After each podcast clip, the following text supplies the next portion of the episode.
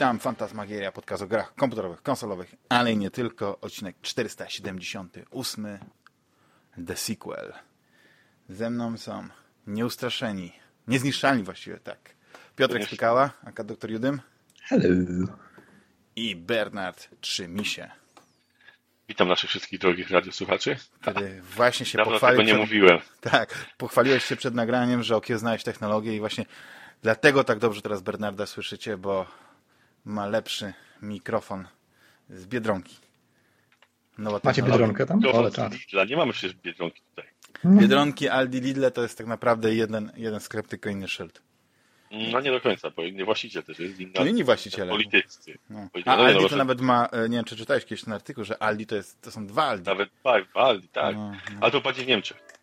A Dokładnie. to nie jest jedno, jedno niemieckie, drugie austriackie? Coś Nie, takiego? nie, nie, to jest Aldi północne, Aldi południowe i część Aldi na, w Europie to jest Aldi południowa, a część Aldi na, w Europie to jest Audi północne. A, To jest, jest, jest. Aldi lepsze i gorsze, wiesz. Jest, Albo Audi, No Aldi tak jest, to, z tego co pamiętam to było jakoś tak, że było dwóch braci, jeden chyba nie chciał fajek sprzedawać w sklepie, a drugi chciał. Hmm. Albo porno, nie pamiętam, chyba chodziło o fajki. I się, i się i rozdzielili filmę na dwa. Może, może, nie pamiętam. To bardzo ciekawa problemy, historia. Problemy pierwszego e, świata, nie? Proszę Państwa, mamy mnóstwo, mnóstwo tematów, mnóstwo i tak zastanawiam się, zaczniemy od gier, od, od kultury, czy od gadki szmatki, czy... Ja myślę, że od gadki szmatki. No to, Albo Ro- roz- lekkiego. Trzeba się rozgrzać. no właśnie, operaty, operaty mowy, najlepszej gry świata. to za chwilkę, to za Najbardziej chwilkę. popularnej gry świata. Tak, tak. No ale zapytam Was, bo ostatni raz rozmawialiśmy ponad miesiąc temu, dobrze, dobrze to liczą? Miesiąc temu, jakoś tak, nie? Coś tak jakoś, no. No, jeszcze w lipcu. Jeszcze były wakacje, jeszcze były te e, trendy zniżkowe, nie? Krzywa się wypłaszczyła, wakacje były, słońce było, było super, teraz, teraz jest brzydka pogoda za oknem, kaszelek, katarek, różne inne takie rzeczy. To co panowie, I proponuję jakiś taki temat związany z grami. E, jeśli jeśli e, widzieliście nowy zwiastun Black Ops Cold War, e, to, to chętnie bym poznał waszą opinię. Czy czekacie? E, wiesz co? Nie widziałeś, Black czy widziałeś? Ja nie obejrzałem, ale czekaj, czekaj, wiesz, jest taki, taki, taki, taki, takie nowe miejsce na internecie. No dobrze, to Bernard będzie teraz YouTube oglądał, wiesz, na żywo. Robimy, robimy reaction podcast. Tak, reaction podcast. Możesz, e, się za ten Black Ops Cold War? Tak, Tak, tak, tak. A ja, a ja Piotra zapytam w takim razie, czy widział. A ty Ale ja właśnie, tam też nie, w ciszy... ja, właśnie też, ja właśnie też nie oglądałem, bo mnie, szczerze mówiąc, Call of Duty już od dłuższego czasu jakoś tak średnio, powiedzmy, To jest interesuje. niesamowite, jak, jak ile was tutaj entuzjazmu, jeśli chodzi o tę grę. E, Znaczy, ale wiesz ja widziałem Ja, się przyznam i bez bicia, że jestem bardzo... każdy jeden Black Ops, ka, sorry, wróć, każdy jeden Jedno Call of Duty.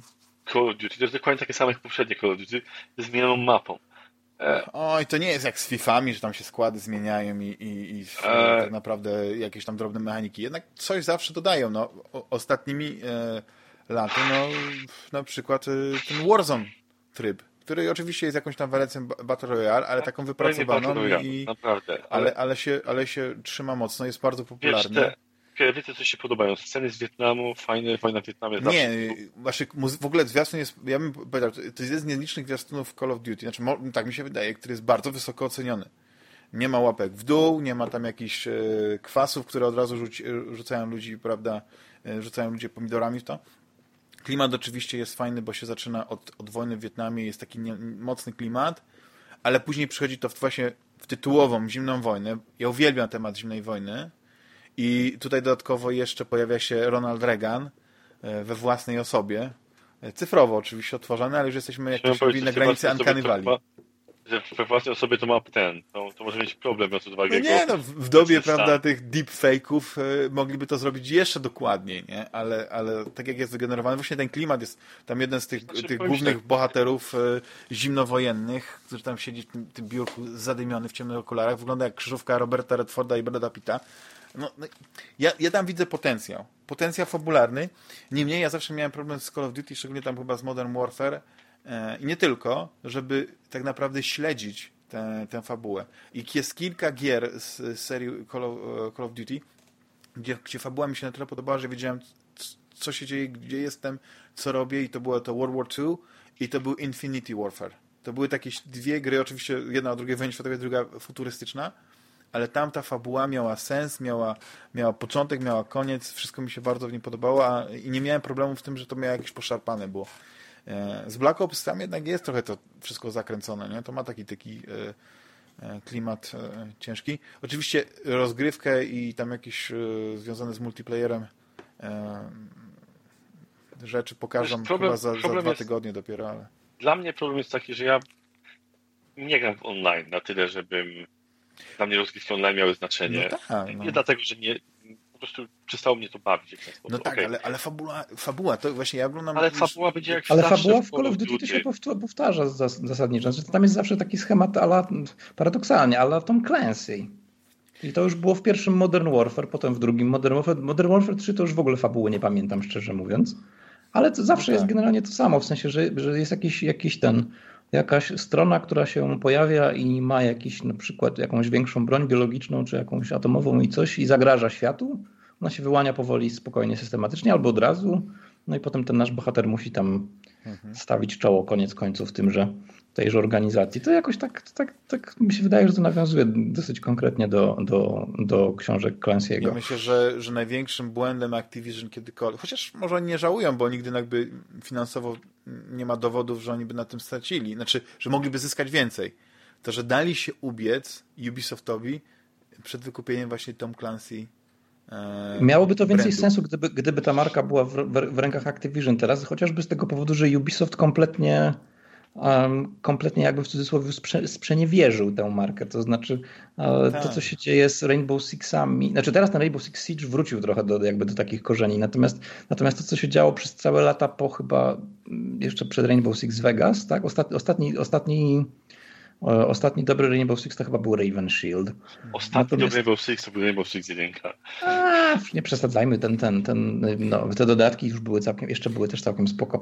A w, w każdym razie jakby oni, Ubisoft w ogóle od, odszedł od takiej, od takiej um, formuły tego takiego ciężkiego uh, military shootera, takiego spod znaku, to co powiedzmy w pewnym momencie przejęła Arma tak naprawdę. Mhm. A, a, to było tak naprawdę domeną. Ja się śmieję, bo dla mnie najlepszą grą właśnie w serii Rainbow Six była jedynka i znaczy ja też ją no, bardzo, mega, bardzo dobrze mega, wspominam, ale, ale ona była na dzisiejsze czasy po pierwsze jest niegrywalna, więc nie, nie zrobiliby takiej gry y, jeden do jednego, chociaż znaczy, wiesz co, mógłbym się zdziwić. Ja myślę, że wszystko jest możliwe. Ludzie wiesz, wtedy oryginalny Rainbow Six to był AAA tytuł, który grali w cudzysłowie tak. wszyscy. Tak, ale to była taka e, mocno na, taktyczna gra, wiesz, ginęło się od jednego strzału, planowało się dużo. E, na dzień dzisiejszy na pewno by się znaleźli jacyś, jest jakaś nisza. Lubię symulator kozy, tak? Nie znalazła się, ale to musieli być jakaś armia streamerów, która by pokochała tę grę i, i zrobiła z niej e, no, numero uno e, w internetach. No, mamy przykład teraz gry, która moim zdaniem została wypromowana tylko i wyłącznie dzięki e, streamom, czyli ten Fall Guys. Nie wiem, czy dobrze nawet pamiętam. Tak, tak, Human tak, Fall, tak, tak, Fall Guys czy Human Fall Flat? Nie, Fall Guys, takie, takie śmieszne Human Fall to jest poprzednie, to jest poprzednie, ale to jakoś nie zażarło specjalnie. E, Fall Guys zażarło dlatego, że to jest taki de facto pseudo Battle Royale. Znaczy tak, w sensie tam jest, tak. tam jest dużo ludu. I tam jest tylko pure fun. Tam nie ma intelektualnie tam, yy, wiesz, nie można mówić nawet o taktyce.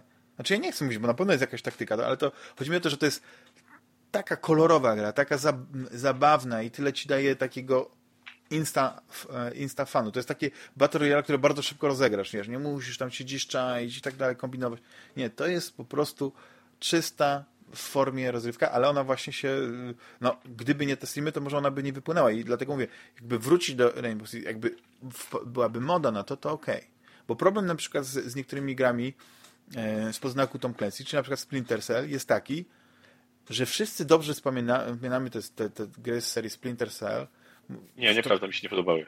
Sam Fisher, taki e, ikoniczny bohater i, i ten jego netowizor e, no, z, z trzema punkcikami ale tak no, naprawdę... Myślę, myślę że, że na przykład to chyba nie zostało konsultowane z Tomem Clancy'em, bo biorąc pod uwagę, jakim nie. on był, że tak powiem, gunnatem, czyli wariatem, jeżeli chodzi o broń, to jakby zobaczył ten, ten ale wiesz, te, chyba nie te trzy kropeczki. Nie, to chyba nie było tak, że to robi oni... dźwięk, prawda, wydaje dźwięk, to jeszcze właśnie świeci jak po prostu ten to co od razu na czole narysuj bonsai. Nie? To nie, Splinter Cell to są które lata, bo tą klasę zmarł jakoś 2010 chyba, tak? Czy jakoś tak? Nie, no to nie szczerze, to są, to jest e, Aha. Splinter Cell to chyba pierwszy Splinter Cell, o ile się nie mylę, to już to są czasy właśnie e, wczesne, wczesnego pierwszego Xboxa, tego oryginalnego. Mm, tak, tak. Znaczy mi się wydaje, że to była bardziej kwestia tego, że oni po prostu zdobyli prawo do używania tego, tego, tego, tego logo, tego mm, ja w myślę, sensie Tom Clancy's i, to... oni, i oni wykupili też to studio Red Storm. Tak, tak. Wszystkim tak. umówmy się do jednego. Tom Clancy był lepszym negocjatorem niż Andrzej. Umówił się na prostą kwestię. Tutaj bańka ma być za każde użycie albo 10, za każde użycie No ale Tom Clancy już nie ma go z nami, a Andrzej Sapkowski okay, jest z nami. ale wydaje mi się, że tam Tom Clancy był dużo starszy niż Andrzej. Ale umarł w dosyć młodym wieku, że się tak wyrażę i e, nie chcę tej tak, jakiejś teorii spiskowej e, Nie, no, Tom Clancy nie był Tak, jeśli dla ciebie to jest bardzo młody wiek, miał ile? 66 lat? Nie, nie mógł mieć 66? On był bardzo 66. młody i moim to, zdaniem to jest, to, to nie chcę tutaj się narażać, prawda, ten, ale ale w wieku... Ale ziemia jest płaska. Tum, tum, tum. No, no. ale, ale moim zdaniem jeszcze była przed nim e, długo. Nie, ja przyznam się bez bicia. 66 lat to jest bardzo młody wiek. E, ja takiego człowieka. Ja byłem przekonany, że człowiek nie ma stresu w życiu żadnych, nie? Eee, ja bym przekonany, że on był dużo starszy, powiem szczerze. się wydaje, że jego wiedza, to co miał w głowie i to co on przewidział w książkach, a później się okazało ten, że oni po prostu już nie chcieli, e, już nie, nie dajmy, nie dajmy więcej pomysłów. E, Ale kto ludziom. oni? No, to jest ta teoria spiskowa, nie? Ja nie chcę nic mówić. no, ale reptilianie, jest... wiadomo, syny. No, reptilianie, nie reptilianie. Ja się zgadzam, że reptilianami nie można ufać. Nie, a, to ja mam powiem jeszcze coś. Ja się przyznam do takiego mojego guilty pleasure, którego ostatnio miałem. Skoro już kurwa mamy taką otwartą sesję, nazywam się Bernard i od miesiąca oglądam filmiki na YouTubie o płaskoziemi i płaskoziemcach i ludziach, którzy próbują z, e, o globbusterach. Mhm, mhm. o, czyli dyktatura spiskowa, ziemia jest płaska. Powiem szczerze, fascynujący ludzie.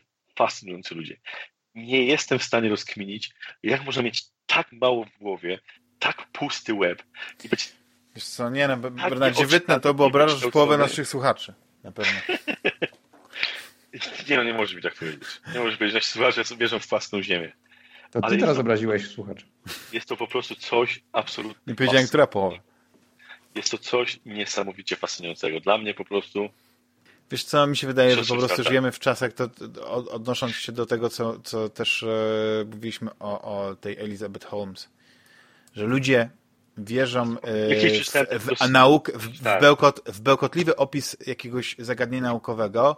Co przeczytałem? Nie Wiesz, to na przykład jak musisz tłumaczyć ludziom, dlaczego nosić maseczki i tak dalej, to musisz im to na podstawie mema wytłumaczyć. No, nosisz spodnie, żeby, żeby tak naprawdę nie, nie, nie zasikać się na kogoś. No dlatego nosisz co? maseczki, dlatego nosisz spodnie, żeby się nie zasikać e, na kogoś. Jakiś komik, już nie pamiętam, który znaczy nie pamiętam, który to by było przesada, bo to znaczy, że kiedyś pamiętałem. E, nie, jakiś komik w jakimś tam wywiadzie, w jakimś John Oliver Show, czy jakimś innym Late Night Show.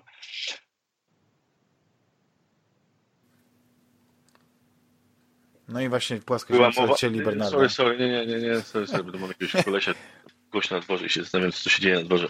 E, w każdym razie nie o co chodzi. Szukają ho linii horyzontu. Możliwe, może płaskoziemcy badają, e, próbują udowodnić brak. Nic nie mówić, ale usłyszeli Bernarda przyszli mi udowodnić, że nie ma tego. Już grupa e... interwencyjna na miejscu, to się nazywa Nie ma księżyca. Ale ten komik powiedział coś takiego, że kiedyś przed internetem i social media, jak, nie wiem o co dokładnie chodziło, ale powiedzmy, że małe kotki, to był po prostu a teraz wchodzi na YouTube, Facebook, dan, jest częścią społeczności małych kotków. I, I, wydaje mi się, że to fantastycznie pokazuje po prostu, jak nasza, nasze społeczeństwo... Y, możemy tutaj dojść do jednego wniosku, że tak naprawdę yy, yy, że Facebook okazał się być bardzo złym narzędziem, bo to właściwie, y, przed, bo, bo, wcześniej jak były te grupy dyskusyjne i tak dalej, to, to, to, to naprawdę ci wszyscy y, źli ludzie musieli się naprawdę postarać, żeby się znaleźć. Ja myślę, że ja A Facebook to ułatwi. Ja nie, właśnie ja nie zgodzę z tym, że Ale znowu schodzimy na jakieś czarne zła, tematy. Wracajmy zła do rzecz. Ja, ja chciałem tylko powiedzieć, że według mnie to nie jest to, że to jest zła rzecz. To jest po prostu Facebook wypuklił i, i zamplifikował czy, czy, czy, czy, czy wzmocnił po prostu głupotę społeczeństwa jako taką. Cały czas tak, to nawet nie można, nie, to nie tylko chodzi o, o ludzi, którzy wierzą w jedną nie. rzecz czy drugą, po prostu wszyscy nagle zaczęli po prostu znajdować ludzi, którzy utwierdzają w, ich, w jakichś błędnych przekonaniach i tak jak mówisz, tworzą się społeczności, communities. No, no i tak jest. Ale wracając do, do, do Cold War, czyli y, rozumiem, że jestem tutaj jako jedyny entuzjastą y, tego, co, co może przynieść ta gra. Tak? Piotrek jest y, tak na średnio nie, raczej nie zagra. Nie przekonał cię ten zwiastun, którego nie widziałeś. Pewnie nie, chociaż muszę przyznać, że pod jednym względem seria Call of Duty mi odpowiada, a mianowicie to, że jest rozdzielony single z multi i że ten single w przeciwieństwie do wielu gier, które w dzisiejszych czasach mamy takie straszne parcie na to, żeby gra AAA za te 60 dolków czy ileś, żeby ona miała koniecznie 50 godzin do zgrywki albo 40, co dla mnie już jest mega niestrawne. Call of Duty, jak pamiętacie, zwłaszcza właśnie od czasów Modern Warfare, nie bało się zrobić czegoś takiego sorry, mamy konkretną historię do opowiedzenia, to trwa 4 godziny, jak chcesz grać dłużej, to masz multiplayer. Ale mi się wydaje, że to się zmienia to z wiekiem, z twoją dojrzałością, wiesz, im jesteś starszy, bardziej twój czas jest cenny i cenisz sobie konkretną treść, a nie jakieś tam grindowanie, tym bardziej to rozumiesz. Ale pomyśl, że jakbyś to powiedział sobie sprzed 10-15 lat, no jakbym kupował gry zakieszonkowe, tak, no to jak kupowałem gry zakieszonkowe, to wtedy pewnie byłoby coś takiego, jak to, przecież ten przelicznik na gracza godzinę tak. to jest w ogóle jakiś skandal. No, ale też odchodzimy od tego ja takiego modelu. Ja pewien, że jak znajdziemy po wcześniejsze, e, wcześniejsze podcasty, to na którymś tak mówisz, Piotrze. No, ale jest jeśli... bardzo możliwe, nie będę się odżegnywał. Mhm, ale tak właściwie to, y, ja się zastanawiam, czy gry przygodowe, gry RPG z, z fabułą, czyli takie, które faktycznie wymagają y, no, te, te 60 godzin, czy one nie stają się niszą? Znowu nie, ja nie wiem, że mamy jakiś problem z, z, z odejściem tych gier, ale, ale a, młodzi ludzie szukają prostych gier, które pozwolą im po pierwsze y, szybko się rozerwać, a dwa w, w, tych grupach się spotkać, wiesz, właśnie tworzyć, nie, paczka kolegów ale, y, zamiast ale, na boisku ja spotykać się przerywam, ale skąd ty masz takie dane? No one są empiryczne. Ale empiryczne czy jakie? Ty jesteś młodym człowiekiem? No, nie, no e, rodzice młodych e, graczy, graczek no często mówią właśnie, że ten Fortnite, wiesz, nam się, no skąd się bierze ta popularność Fortnite'a? No kto gra w tego Fortnite'a? No, okay, no my nie gramy ale... w tego Fortnite'a. W porządku, ale, ale, ale, grają 11-12 latki, które właśnie okay, się spotykają ale z drugiej strony, jedną z najlepiej gier się w tym roku The Last of Us Part 2, tak? No to też, ale to, to jest też, y, ale to też jest jedna się... z, z, Proszę, z tysiąca Final gier. Fantasy 7, eee, Resident Evil 3, w pierwszej dziesiątce, nie wiem, to jest taki gier, jakim, O jakich liczbach mówimy tam? Nie mam pojęcia, to jest jakiś tam top 10 selling video games na NPD. E, Ghost of Tsushima. Nie wiem, co to jest Ghost of Tsushima. To jest taki Sekiro, ale w wersji no, Ubisoft Games zrobiona przez twórców e, Infamous. Tak. Czyli, na pewno, czyli tak. na pewno nie gra to 5 godzin ta gra, tak? Nie, nie, nie. Nie, nie, nie. To, jest, to jest typowy sandbox z otwartym światem. To proszę, to masz, wiesz, no to na liście 10 gier masz Resident Evil 3, który pewnie jest troszeczkę dłuższy, Ghost of Tsushima, Final Fantasy VII, The Last of Us. Okay, są no to teraz zgadnij, e, ile Czekaj. na Steamie sprzedało się tych e, Fall Guys. Zgadnij. Animal Crossing New Horizons, nie wiem, co to jest, nie wiem, jak długo trwa. E, jakaś piłka nożna, Mortal Kombat. To są gry na dłużej. Nie wiem, jak się sprzedało The Fall Guys, ale to, wiesz, to, to znaczy, że tyle ludzie dokupili. A no. czasami na rzeczywiście to, że, że, że o takich gier szukają. Mhm. Ja myślę, że problem jest taki, że my przykładamy nasze doświadczenia i to, jak my się zmieniamy, do tego, co nam się wydaje. E, no tak, no nie, no, znaczy, do pytania mam, czy czekacie na Wasteland 3? Tak, mam nawet preorder. Znaczy na ten. Na Game Passie, tak, już czekam na no. Ja jeszcze nie grałem w dwójkę, więc... No ja się odbiłem chyba po połowie Gdzieś tam nie siadło mi. Nie siadło mi. To jednak nie, to nie jest mój Fallout. No, ale mm, znowu o trójce gdzieś czytałem, że też nie jest jakaś rewelacyjna i twórcy nieoryginalnie, no ale nie oceniam postanowili skopiować y, wydarzenia polityczne y, ostatnich lat i, i, i przenieść je w jakiejś tam formie do, do, do, do gry. Co by było ciekawe, jeśli to byłby jakiś taki e, interesujący Poczekaj, komentarz, więc ja to chciałem tylko powiedzieć jedną rzecz. Mhm. E, w 2018 roku, proszę, Divine, Divine Divinity 2 ponad milion kopii. A Ale to, to jest znaczy... nic. Ten Fall Guys Ultimate Knockdown gdzieś dzisiaj czytałem, że na samym Steamie, na samym Steamie sprzedało się 7 milionów. No okej, okay, ale to jest gierka prosta, szybka. Nie wiadomo, ludzi nią grało, nie wiadomo, wiesz, to, jest, to jest takie... No właśnie, to wytłumaczyłeś, że to jest prosta, szybka gierka. No i sprzedał 7 milionów, stary. No, a nie taki moloch jak Divinity Original Sins, nie? A czekajcie. A ja to, to trzeba przyznać... To trzeba przyznać, że tutaj dużo, dużo oprawa graficzna robi, bo ona jest prosta, taka kreskówkowa, ona trafia ja do każdego, to jest taka gra rodzinna. 172 tytuły w tej chwili, ok? Mhm. Nie no, ja oczywiście też y, to jest wszystko... E... I powiem tak, część z nich są które po prostu kupiłem, bo kupiłem i w życiu nie zagrałem. Mhm. E, i, I nie powiem, że kiedykolwiek zagrał, ale mam, kupiłem.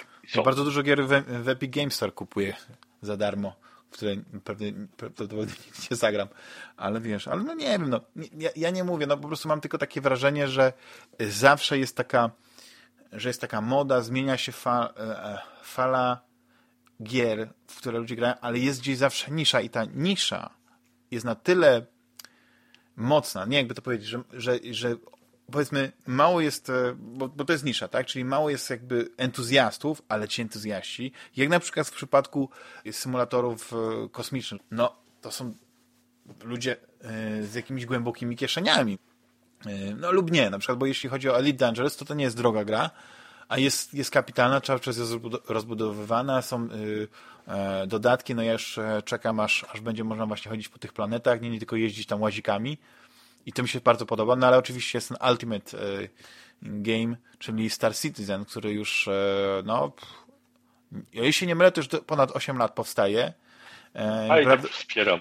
Tak, i chodzi o to, że za, za kilka lat już będzie sprzęt, który, który pociągnie tę grę w, w, jakoś tak sensownie i być może do tego czasu wyjdzie ten Squadron 42, czy jak to się miało tam nazywać i, i, i będzie można zagrać jakby w tę, tę kampanię ale z tego, co, co słyszę, no to nawet już nie ma takiej złej prasy. Już ludzie nawet się pogodzili z tym.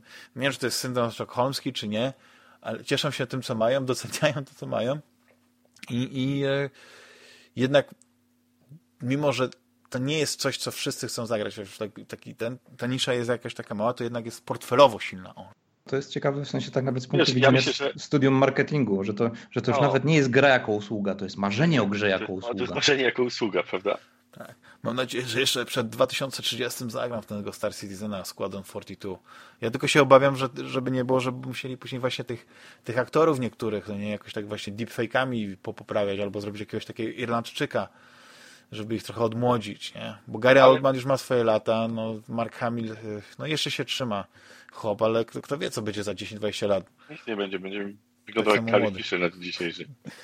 No, no. no, nie wiem, no, mogą zrobić właśnie tak jak w tym, po, po, mieć to co, to, co udało im się nagrać i później jak, jak, e, czy właśnie w epizodzie dziewiątym, czy jak w tym wspomnianym na grupie odcinku Community szóstej serii. To był jeden z lepszych odcinków. Tak, no kapitalny. Ale on, gdyby, on, gdyby ten odcinek e, wyszedł właśnie gdzieś tak, w, w, no nie wiem, teraz, to wszyscy powiedzieli, że tak, że jak możecie kpić z dziewiątego epizodu Gwiezdnych Wojen. No oni po prostu kpili wtedy z, z, innych rzeczy, no nie bardziej z tych... No ale to już jest e, inna kwestia. Mi się wydaje, że y, proroczo podeszli do tego, no nie? Właśnie ten Chief Star and the Riders of the Galaxy. Mi się wydaje, że gdzieś tam powinien być na YouTubie ten filmik puszczony w całości. Oczywiście on istnieje tylko jako jako e, e his, historia szkatułkowa, no nie w tym, tym odcinku, ale to jest e, to jest coś niestety. No ale y, a propos właśnie y, gier RPG, ja nie wątpię, że jakby się okazało, że one już totalnie wypadną z tego, to one wrócą właśnie w jakiejś innej formie, bo zobaczcie, jeszcze ja wiem, 5-6 lat temu, mogę się mylić co, co do dokładnej daty, to też mówiliśmy, że już nie ma tych izometrycznych gier RPG, że coś się stało i tak dalej. A później właśnie wszedł Kickstarter i co? Pillars of Eternity, e, Wasteland 2, e, o, nie wiem, czy Divinity Original Sins nie, nie było wspierane na jakimś Kickstarterze, czy nie, przynajmniej po początku. E, no, mnóstwo tego. Ja się nie boję, wiesz. Nie wiem, czy nowy Baldur's Gate już wyszedł, chyba się nie, nie? Nie, nie, nie. Właśnie ale, wychodzi ale, chyba. Tak, ale robią właśnie go goście od y, Divinity Original Sin, więc, więc wygląda na to, że możemy spać spokojnie. Ale, aha, no to, no, no. no to, no to, no to, no to, a to jakoś, jakoś we wrześniu miał być, nie? Słucham? Co miało być? Halo, Ziemia do Bernarda? Płaska Ziemia do Bernarda? Miał być we wrześniu, nie? Yy, nie wiem, nie wiem, nie wiem, bo yy, teraz to się wszystko przesunęło, nie? I, I, tak naprawdę niedługo się okaże, że e, wszystko, co miało być w 2020 roku, wszystkie premiery, między innymi premiery konsol, zostaną przeniesione na, na następny rok. Chociaż o ile jeszcze z PlayStation 5, to bym tak mógł powiedzieć, że oni mogliby to prze, mogliby przenieść premierę konsoli na, na następny rok, to chyba już z Xboxem już jest za, z, zbyt ja bym właśnie powiedział, że z Xboxem też by już mogli skoro stwierdzić, że e, nie dociągną najnowszego Halo na premierę Xboxa. No tak, no ale ten Halo po prostu Infinite, jak ja widziałem to, co oni chcą tam fabularnie zrobić, czyli zupełnie płasko, bez polotu, wiesz, jakiś e, generyczny, jak to się ładnie teraz mówi, zły. Tam jakaś przygoda Master Chiefa, który jest, który jest maszyną bojową, teraz robi jakieś takie... A, i fabularnie, i, i graficznie mi się to w ogóle nie podobało. Jeszcze tam brakowało pewnych rzeczy, które e, ludzie wypatrzyli, jak na przykład brak ray tracingu. Brak ray tracingu, straszny. No, wyobrażasz sobie w dzisiejszych czasach coś nie, poniżej 4K można. i bez ray tracingu? Ja nie wiem, jak Piotr do tego podchodzi, na przykład, czy uważa, że na przykład ta technologia jest istotna, to znaczy, wydaje mi się, że problem jest taki, że ta technologia nie nadąża za obecnymi trendami, a co dopiero za jakby za dalszymi, tak? Bo ty, mimo wszystko ray tracing to poza takimi wybranymi aspektami, tak jak masz na przykład część rzeczy w...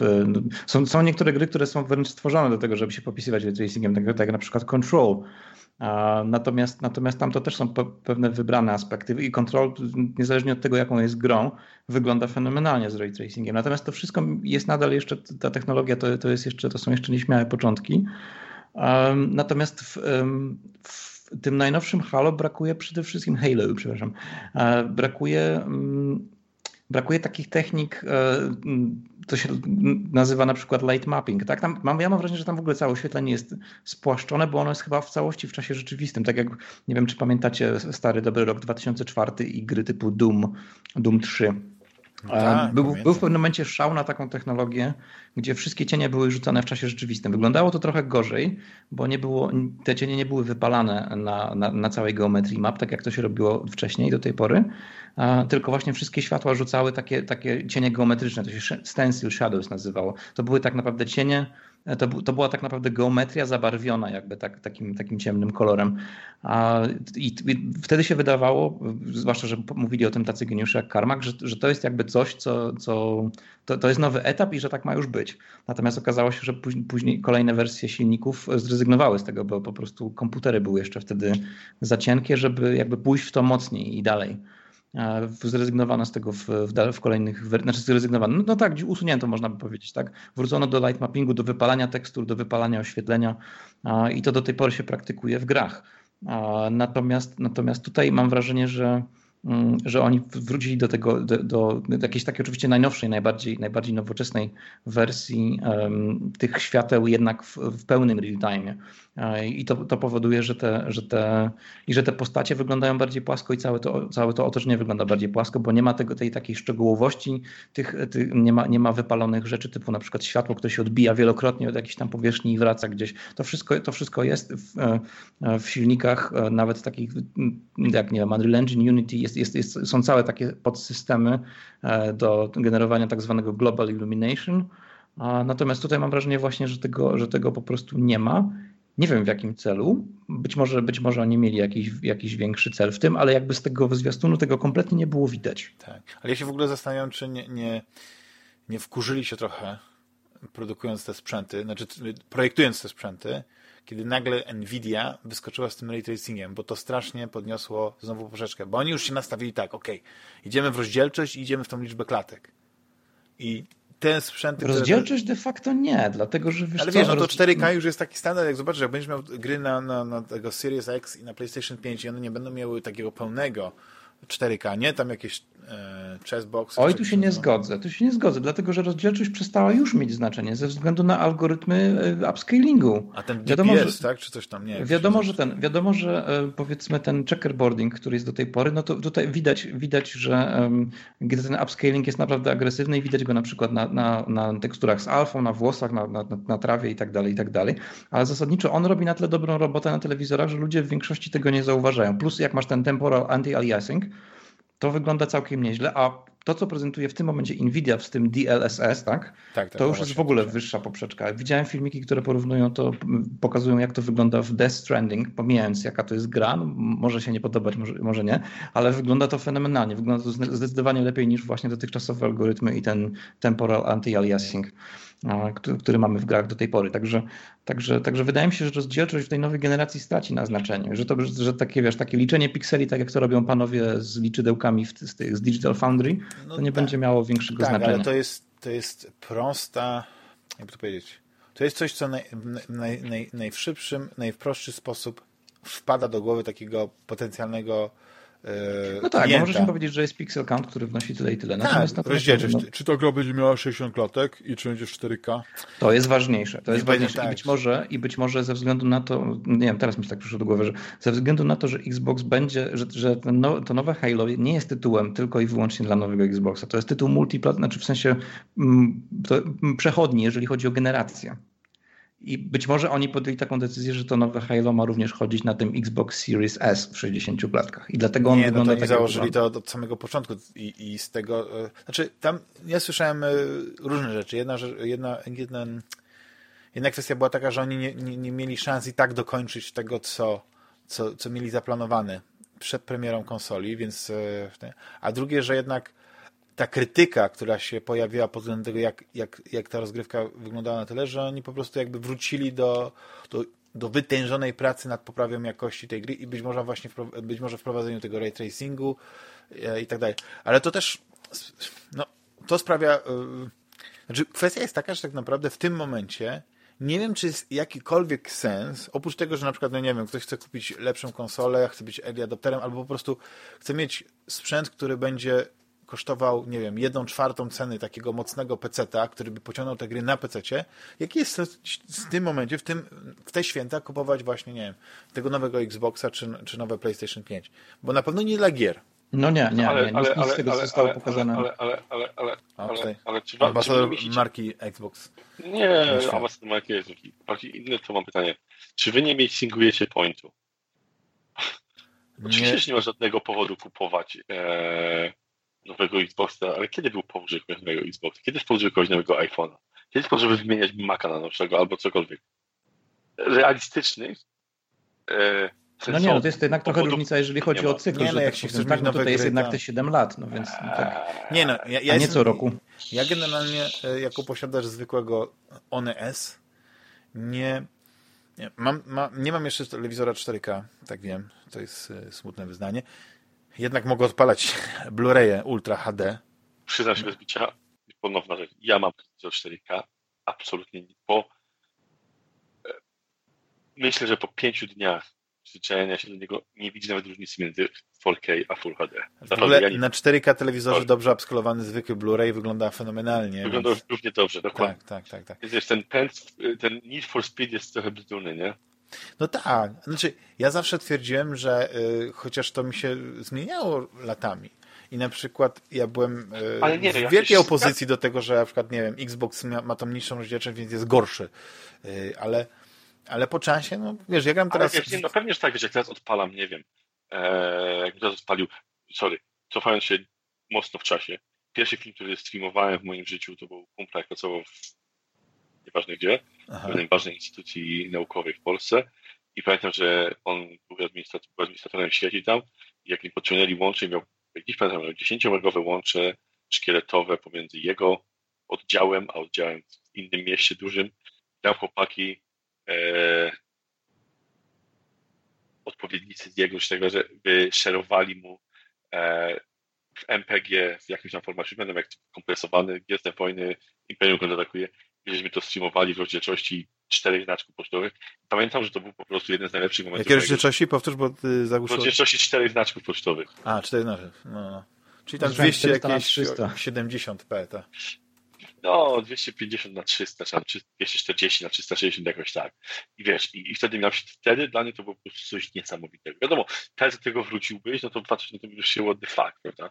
E, wiesz, jak ja ostatnio, ostatnio sobie odpaliłem, wiesz, jestem fanem, sobie odpaliłem z Goga e, Wing Commandera czwórkę i, i sobie przegrywałem te, ten, te, te scenki full motion video, to się ciężko ogląda. Eee, I pewne rzeczy są, które się naprawdę źle zastarzały. Ale mimo wszystko te przeskoki, wiesz, przeskok z 240, 200, nie, to nie pamiętam, 240 na 340, 340 na 260, jakoś tak, wiesz, przeskok z tego na 640 na 480, czy 640 na 480 na 800 na 600, moim zdaniem w tamtych czasach był dla mnie dużo większym i robił dla mnie dużo większe wrażenie niż tak, jak przeskoczyłem teraz z Full HD. No tak, no. Ja, ja, dobrze pamiętam jakby przeskok właśnie z tego wspomnianego M MPG, które też zajmowało dużo, dużo miejsca, czyli ten, ten, ten taki podstawowy format, do DivX'a. Jaka, jaki to był szok, że nagle na jednej płytce w lepszej jakości cały film się mieści. Oczywiście to była kopia legalna, wesela, które się oglądało, Wyspiańskiego. A nie, oczywiście, wiadomo, wesele. Tak, ale, ale tych wesel się naoglądało dużo i właśnie to był szok, jak ten DivX, później tam to był ten e, otwarty kodek, Xivit chyba się nazywał. Jak to, Xvit chyba. Xvit, przepraszam, tak. tak, jest. tak jak, to, jak, to, jak to fenomenalnie ktoś, kurczę, sobie opracował, nie? I, i oczywiście od tamtego czasu lepsze komputery, lepsze kodowanie, to mamy teraz dużo lepsze kodeki, które jeszcze lepszą jakość e, mają przy, tym, przy tej samej wielkości pliku. No ale jak już ma, dzielimy się takimi historiami, to ja pamiętam, jak chyba to był 97, 98 albo 99, nie, w tym roku wyszedł Matrix, jakoś tak, nie? Byłem na wakacjach, obejrzałem w kinie. Matrix, Matrix, Matrix później. 97? 99 chyba, tak. Jakoś tak, ja pamiętam, że W kinie Rybak w Łebie. Ja w kinie Kosmos Katowice na tym zostałem. No, ja byłem w kinie y, ten, poszedłem na to do kina, tłumy ludzi, wszyscy chcieli to obejrzeć. Oczywiście ludzie, którzy byli przed nami, co ty, to jest jaś fasola w kosmosie, to nie oglądaj tego, nudy. Ale obejrzałem i Ja oczywiście tam, no, no tak, no tam, nar narkolepsja. Ale y, ja byłem pod wrażeniem oczywiście efektów specjalnych. Ale to I, prawda. I ja chciałem obejrzeć ten film jeszcze raz, a znajomy mówi, co ja już tam widziałem. Tam. Jak? I on gdzieś skądś miał na wideo CD, oczywiście kopię e, nielegalną, ale nie, nie, to w tamtych czasach e, te, to już było nielegalne, tak. E, nie, nie ten, ale właśnie byłem pod wrażeniem, że na dwóch płytach i w dobrej jakości e, ten, ten film już, już był. I to było niesamowite. E, I teraz jakbym oglądał to, no to nie da się porównać jakości powiedzmy wideo CD do, do, do nawet do, do DVD czy tam do Blu-raya, ale ja nie wiem, kiedyś, kiedyś e, takie, takie rzeczy jak na przykład, nie wiem, e, oglądanie seriali na Netflixie na, niko, na nikim nie robi wrażenia, tak? Ale jak chciałeś mieć to okienko małe na świat, na te amerykańskie seriale, ludzie się wymieniali oczywiście, te fansuby były i tak dalej, to to się tym, tym e, DSL-em, jak to się, SDI, tak to się nazywało? I tak. Tak, pierwsze, łącze, pierwsze stałe łącze w Polsce. 5 kilobajtów, 10 internetowe. kilobajtów, czasami miałem takie, takie transfery, ale, ale jaka była satysfakcja. Satysfakcja. I tej satysfakcji teraz już nie ma. Nie chodzi o to, że wiesz, w pewnym momencie każdy jest coś, co najpierw jest, nie wiem, science fiction, jest tam czymś, jakąś tam teorią, jest tam myślą, o, można, zaczniemy latać. Potem się staje przełomem, wiecie, się przyznaje się wielką nowością, a w pewnym momencie staje się powszednością, a w pewnym momencie staje się uciążliwością, tak jak na dzień dzisiejszy dla wielu ludzi, prawda? E, I wiesz, i to, co dla nas było kiedyś przełomem, w tej chwili to jest naturalne. Mhm. Wiesz, a No właśnie, ale a propos takich zmian w takim razie, to e, pozwólcie, że tak zmienię temat może ostatni, jeśli chodzi o gierki e, i najwyżej porozmawiamy, w co ostatnio graliśmy, ale e, co sądzicie o tej wielkiej batalii sądowej? Jak to ładnie niektórzy określili zupełnie w ogóle szczapy, pojedynek Goliata i Dawida, czyli Apple versus Epic. i, i, chyba też Google, nie? Po części tak, ale chyba to jest Google jest jakby takim postronnym, znaczy jakby e, okazji. gdzieś tam jest ten, ale tak naprawdę on tam, wiesz, niby tutaj po jednej i po drugiej stronie stoi, ale tak naprawdę, e, znaczy jest w, w kręgu zainteresowanych, ale, ale e, Google ma, tak, znaczy wiesz, architektura e, Google'a jest chyba taka, że tam e, właściwie możesz sobie na Androidzie postawić aplikację i wcale nie musisz Możesz. przez ten sklep e, To prawda, prowadzić ale transakcji. że- no wiesz, jak używasz, coś- nie, masz, to, to, to fakt, to jest troszeczkę inaczej. No nie, ale to Eee. wracając do tego, nie, Piotrze, ty, ty chyba wiesz o co chodzi, nie? Że, że Apple usunęło z, ze swojego sklepu najpopularniejszą grę na świecie, wydawaną przez Epic Games, czyli Fortnite, za to, że Epic y, łamał regulamin, chyba pozwalając na obchodzenie płatności przez sklep, czyli pozbawiając 30% e, Apple'a no, dochodów z tych, ze sprzedaży tych wirtualnych przedmiotów właśnie w Fortnite.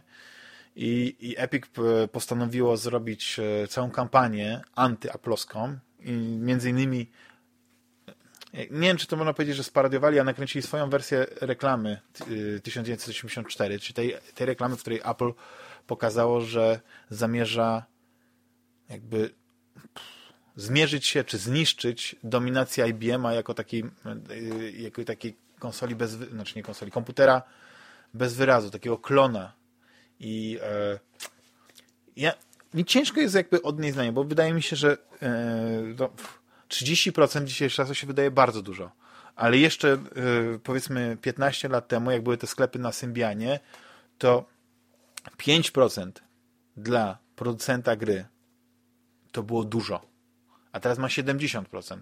I kwestia jest taka, ok, czy jesteśmy już na takim, e, w, takiej, w takim zaawansowaniu technologicznym, że ta infrastruktura Apple'a i to, to hostowanie tego sklepu, to bycie monopolistą, no, pozwoliłoby im na przykład, nie wiem, brać tylko 15% i być e, i, mi- i mieć, e, no, nie, nie tracić na tym.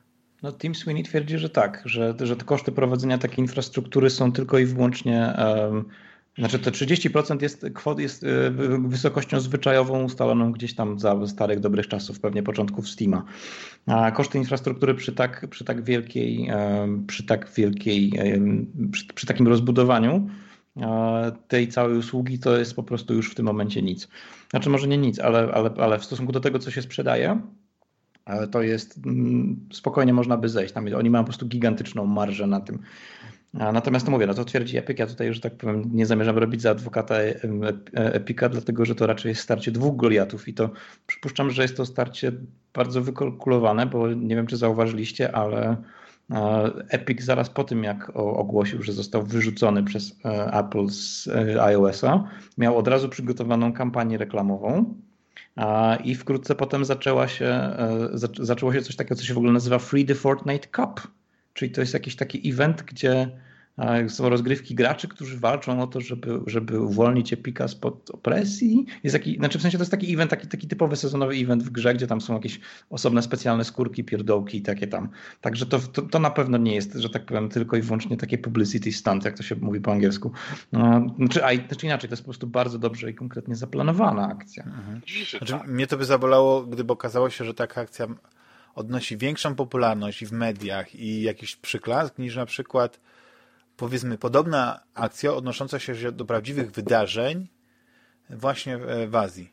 Od pięciu czy sześciu miesięcy w mediach jest temat numer jeden związany z pandemią i nagle okazuje się, że naprawdę poważne rzeczy przechodzimy około nich tak, o no, gdzieś tam się coś przeczyta, ktoś tam jeszcze zobaczy, ale wcale się nic nie skończyło tam. E, tutaj za, e, w Polsce za wschodnią granicą też się nieciekawie dzieje i, i, jeszcze gdzieś tam powiedzmy o tym się mówi, ale obawiam się, że za miesiąc, dwa to znowu to przejdzie. E, nie tak dawno, ile? Miesiąc temu? Eksplozja w Bejrucie. Zobaczcie, że już właściwie ludzie tak, no było, w, w tydzień chyba ludzie myśleli o tym, a teraz nikt o tym nie myśli. Zupełnie. Ale wiesz, ale Damianie, no okej, okay, ale znaczy nie myśli. Znaczy, wiesz, no, Powiedz że ty wstajesz rano, że mm, biedny Bejrut. Potem idziesz umyć zęby, patrzysz w mówisz, na tej Białorusi. Siadasz przy, przy, przy śniadaniu, otwierasz sobie jajeczko na miękko, mówisz, w tej byłej kolonii na H, to też jest przekąpane. No nie jest tak, no nie myślisz o tym. Z drugiej strony jest tak, co możesz zrobić ty jako jednostka, siedząca w Polsce, w Irlandii, w, w Stanach, w, gdziekolwiek indziej, e, był ogromny, duży wybuch w Bejrucie, spowodowany de facto ich własnymi powiedzmy niedociągnięciami administracyjnymi. Ale czy to e, no, powiedzieć głupotą? No, żeby nie powiedzieć głupotą. Teoria spiskowa. Okej, okay, no i, i co w tym momencie możesz zrobić? Możesz nie, nie, płacić to, jakiś tam e, charity, to ja też zrobiłem, wpłaciłem tam parę groszy, ale tak naprawdę moje myślenie o tym, zastanawianie się, czy nawet załamywanie rąk jest nie, no chodzi mi o to, że jak, jak, jak wygląda na rzeczą... zainteresowanie ludzi yy, czytaniem informacji, i wiesz, tylko chodzi mi o to, że y, chodzi mi o misję, bo y, naprawdę, i Piotr się na pewno ze mną zgodzi, że to nie jest tak, że y, newsów o pewnych innych rzeczach nie ma, tylko chodzi o to, że te mainstreamowe newsy, które powinny mieć pewną misję, one idą w to, co im przynosi największą oglądalność, bo oni patrzą w algorytmy i co się najbardziej klika. I naprawdę trzeba gdzieś sobie szukać, nie wiem, e, zaglądać na przykład na, na France 24, czy na jakieś inne Deutsche Welle news i tak dalej, żeby się dowiedzieć, co innego się dzieje e, w Europie, niż tylko, powiedzmy, te rzeczy związane z pandemią. No. I to mnie boli, że chodzi o kształtowaniu misyjnym.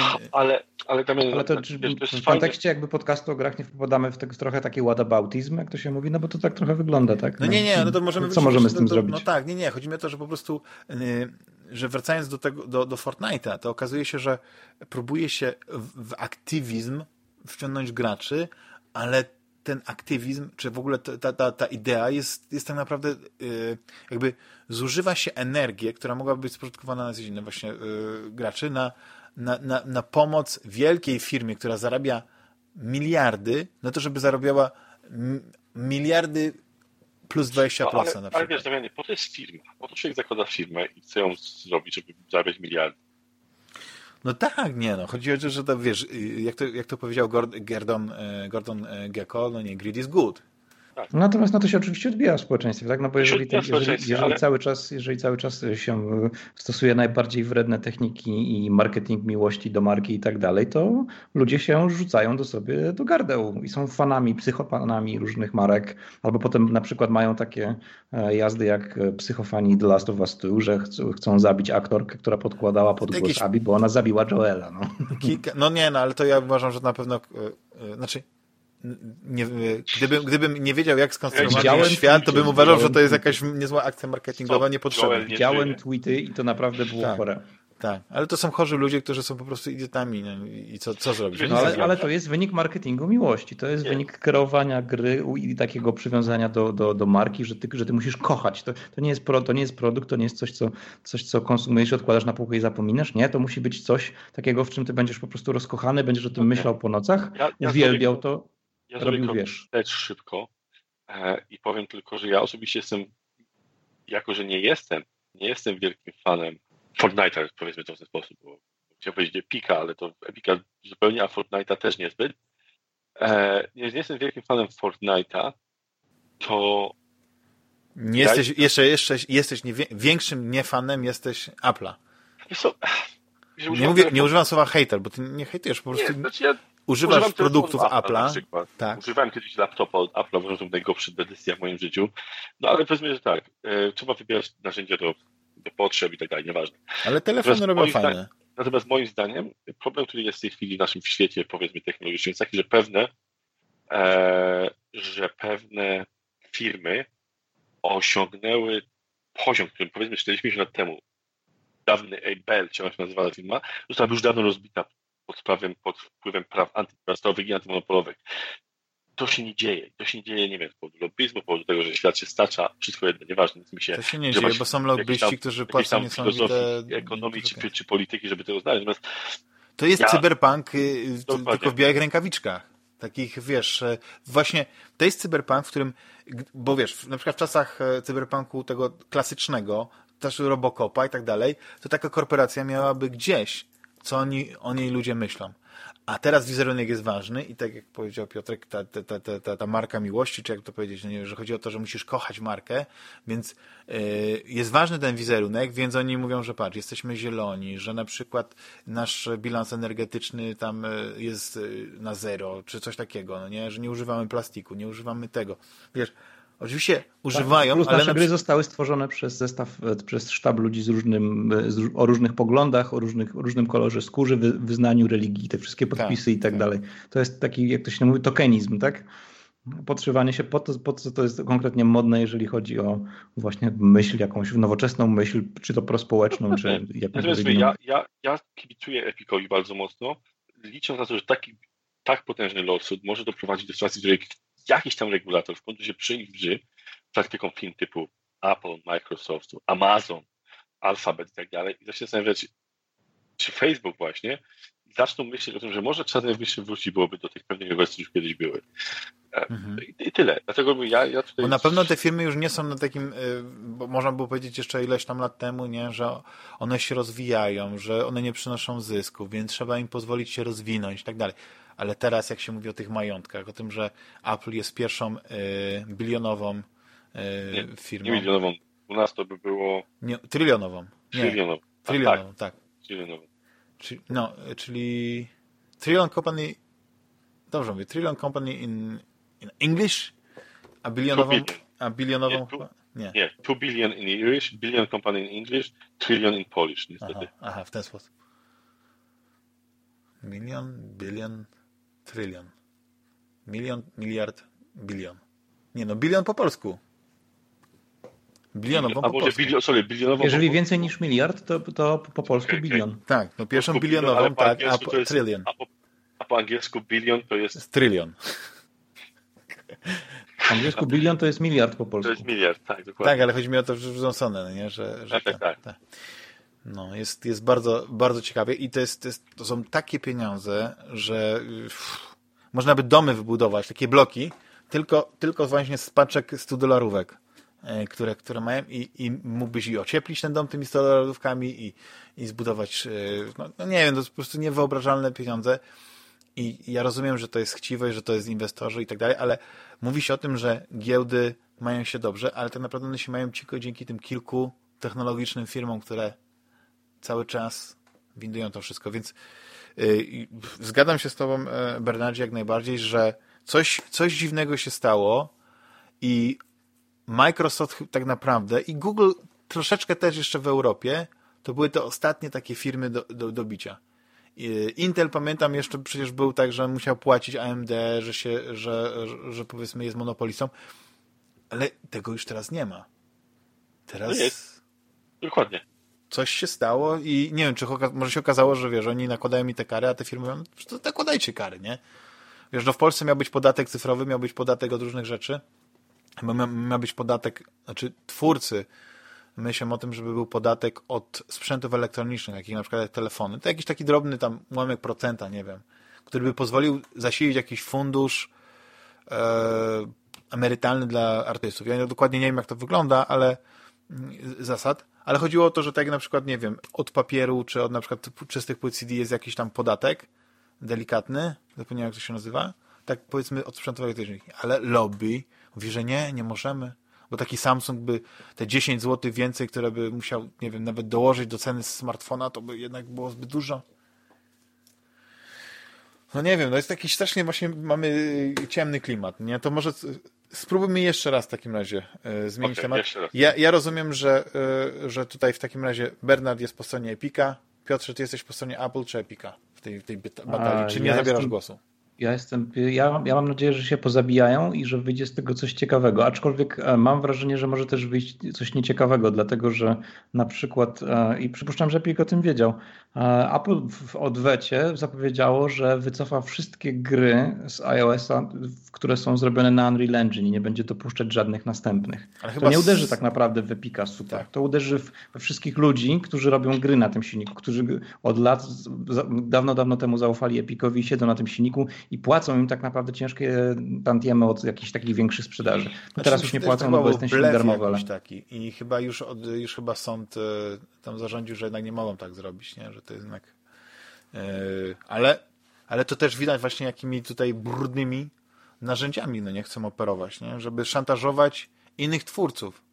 Jakby, jakby wciągać im w, to, w tą walkę, no bo yy, tak naprawdę to dla Epika ta informacja jest bardziej istotna, żeby właśnie tak się stało, żeby tak e, Apple straszył, więc to może Epic rozsiewa tą plotkę mm, niż ten, bo, bo to mobilizuje tych wszystkich niezależnych twórców, którzy, którzy tworzą gry na, na, na, na tym silniku i no, to byłby cios dla nich. No.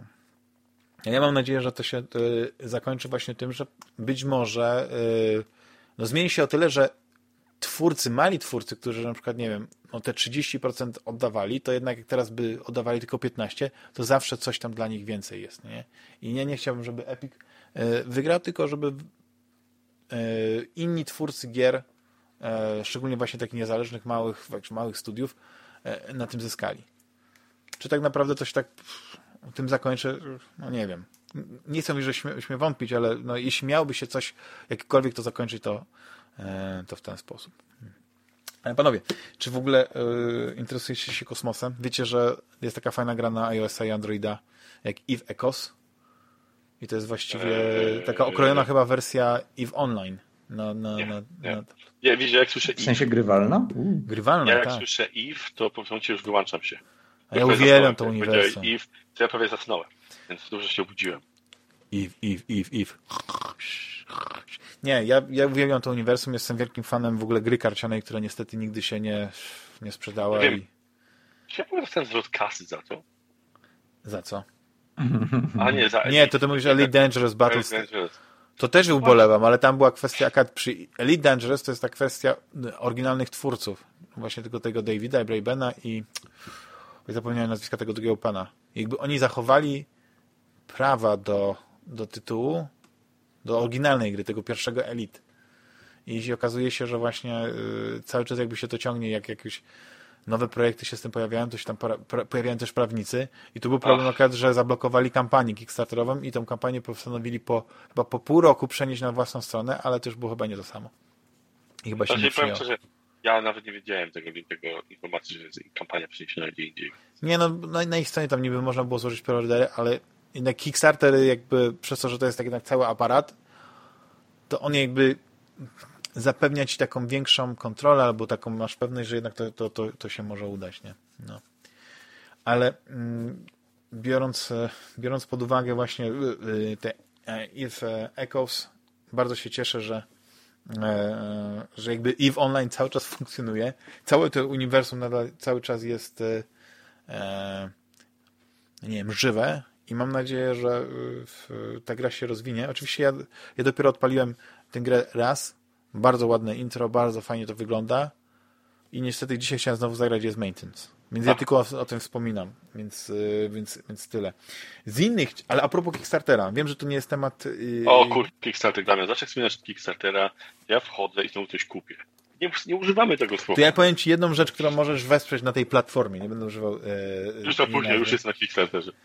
Jest, to poszukaj Half Past Danger Christmas Special już szukam. Search. To jest, to jest Kurwa, ja, specy ja, ja... wydanie specjalne ko e, serii komiksów, znaczy właściwie no taki, taki jak to się mówi, Holiday Special, okay. mojego ulubionego e, komiksu ostatnich lat, który jest połączeniem Indiana Jonesa i Jurassic Park. Tak to sami określili twórcy, czy tam jacyś recenzenci. Kojarzę to, kojarzę to. Kapitalny ja to... klimat, wiesz. Tylko, że mi się, mhm. ja pamiętam, że mi się strasznie, ja to kiedyś miałem, nie pamiętam, gdzie ja to widziałem, Kurwa, no coś mi odrzuciło wtedy przy tym, nie wiem dlaczego. Rysowany jest przez Stevena Mooney, który jest, e, no można powiedzieć, że krajanem, tak? Dublińczykiem, Dublinerem, mieszka chyba w Dublinie.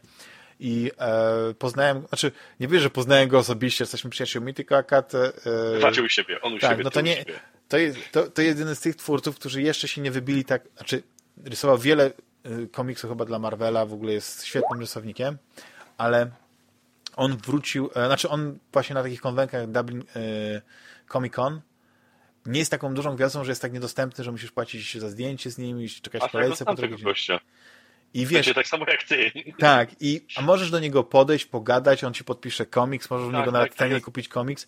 E, ja byłem na panelu, jak on właśnie z, z Declanem Shalvi, bo to jest też taki świetny rysownik, właśnie rozmawiali. Bardzo sympatyczna atmosfera, też tylko tak, tak kameralnie i on teraz, ten projekt ma Mm, tego komiksu. Na szczęście już jest opłacone, tylko tam jest jeszcze parę progów, które, które mam nadzieję do, do końca kampanii się wypełnią i ten komiks będzie jak najlepszy.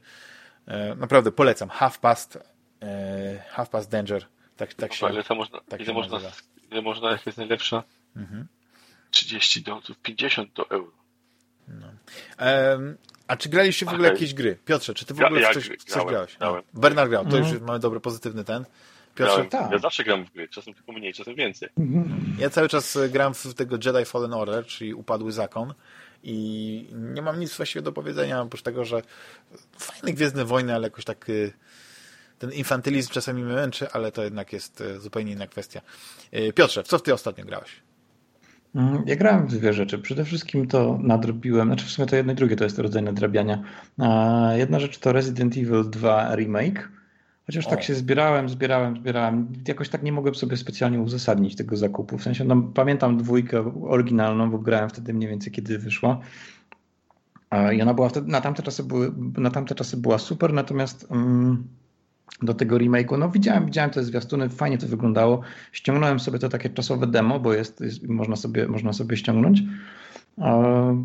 No pograłem, no rzeczywiście, no i fajnie to wygląda i fajnie się to grało, ale nie byłem jakoś tak specjalnie przekonany, żeby to, żeby to kupować, a pojawiło się w pewnym momencie po prostu za, bo chyba to był ten Steam Summer Sale i wtedy gdzieś dorwałem za jakąś taką niższą cenę i wtedy, wtedy w pewnym momencie, ale też zanim w ogóle usiadłem do tego, to też minął jeszcze chyba z tydzień lub dwa tygodnie po tej przecenie. W ogóle mi się nie spieszyło do tej gry. Czyli na dobry moment, tak? Na taki nastrój.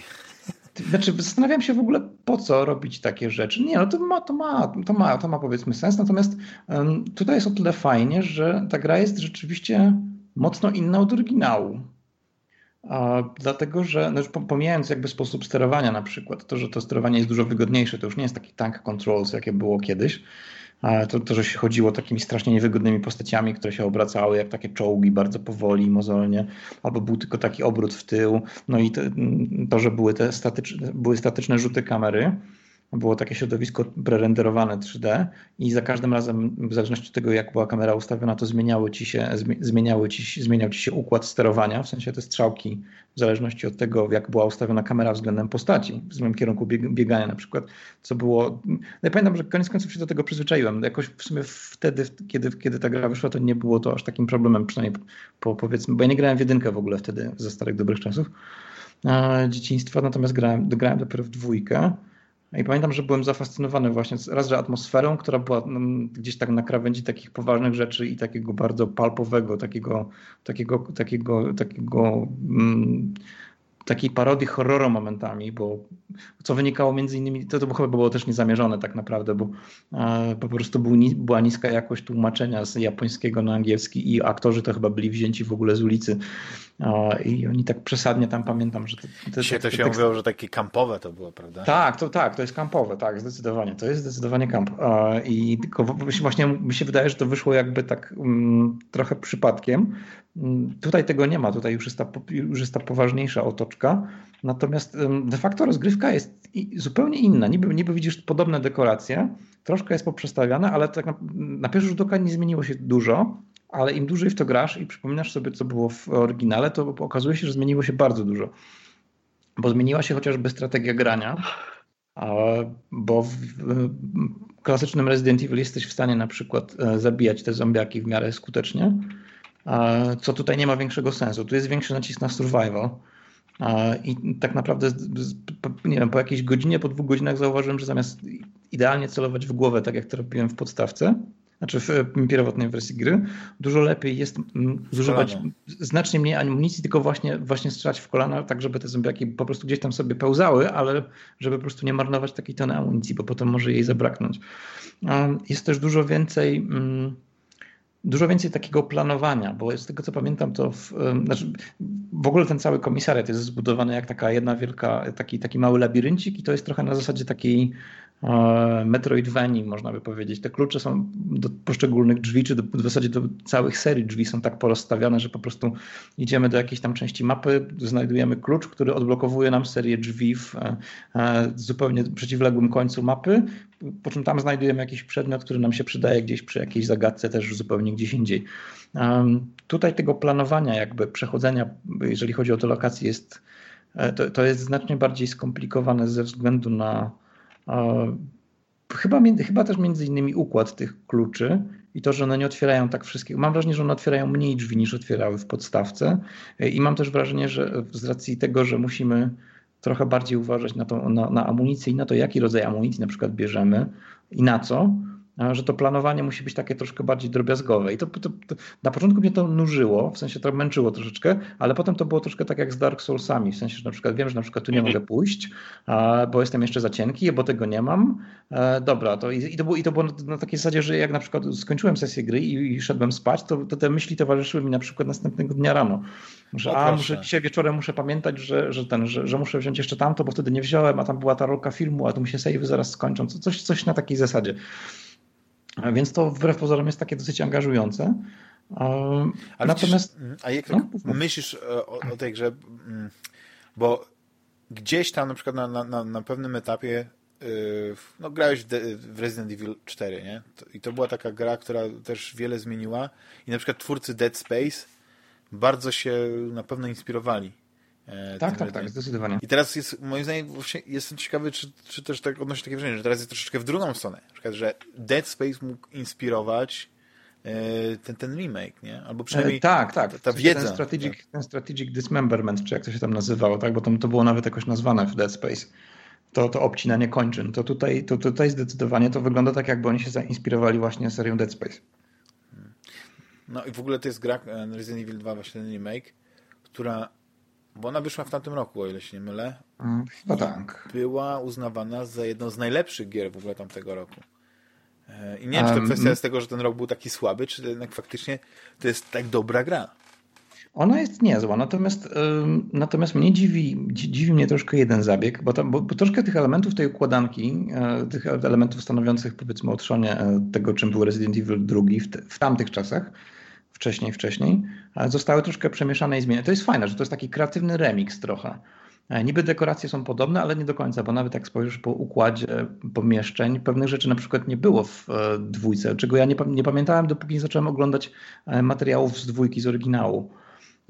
W remake'u na przykład, w tym jak masz ten komisariat, to na przykład w podstawce nie było w ogóle tych schodów prowadzących na piętro wyżej.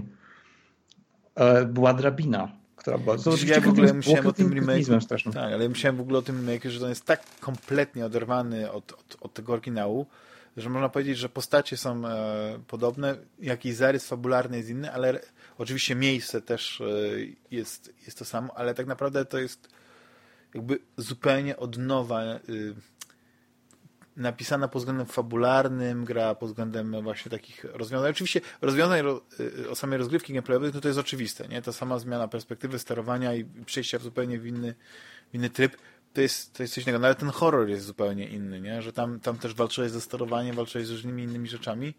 Inaczej planowałeś te savey też, tak można powiedzieć, chociaż mógłby być jakiś klasyczny y, y, tryb w tym.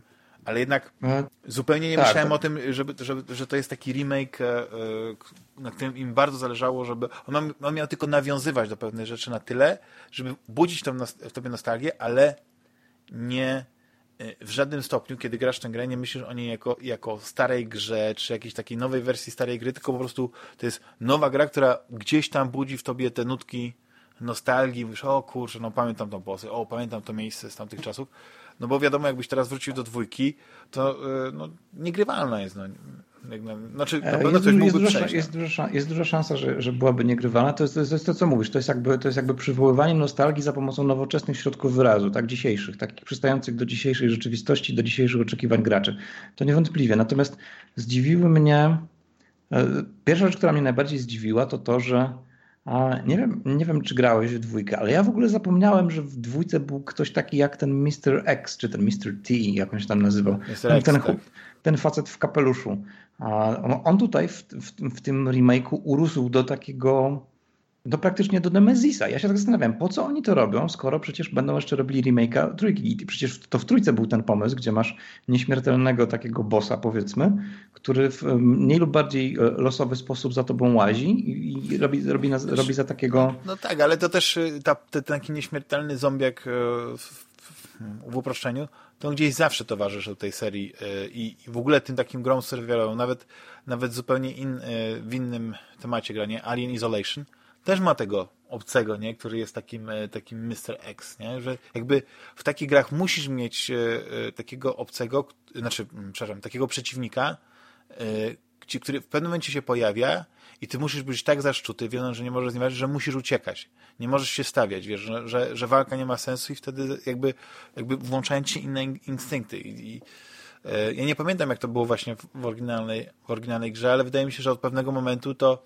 to jest jakby stałym, stałym elementem e, rezydenta. Mi się wydaje, że go, w, że go w dwójce było... nie było praktycznie wcale, w sensie, a w, w, sensie ten, w sensie tej postaci, że to dopiero Resident Evil 3 uwypuklił właśnie, postawił jakby na centralną postać na tego Nemezisa, który się za tobą uganiał i po prostu musiał, musiałeś po prostu w, w wielu lokacjach w grze. On się momentami chyba losowo wręcz pojawiał.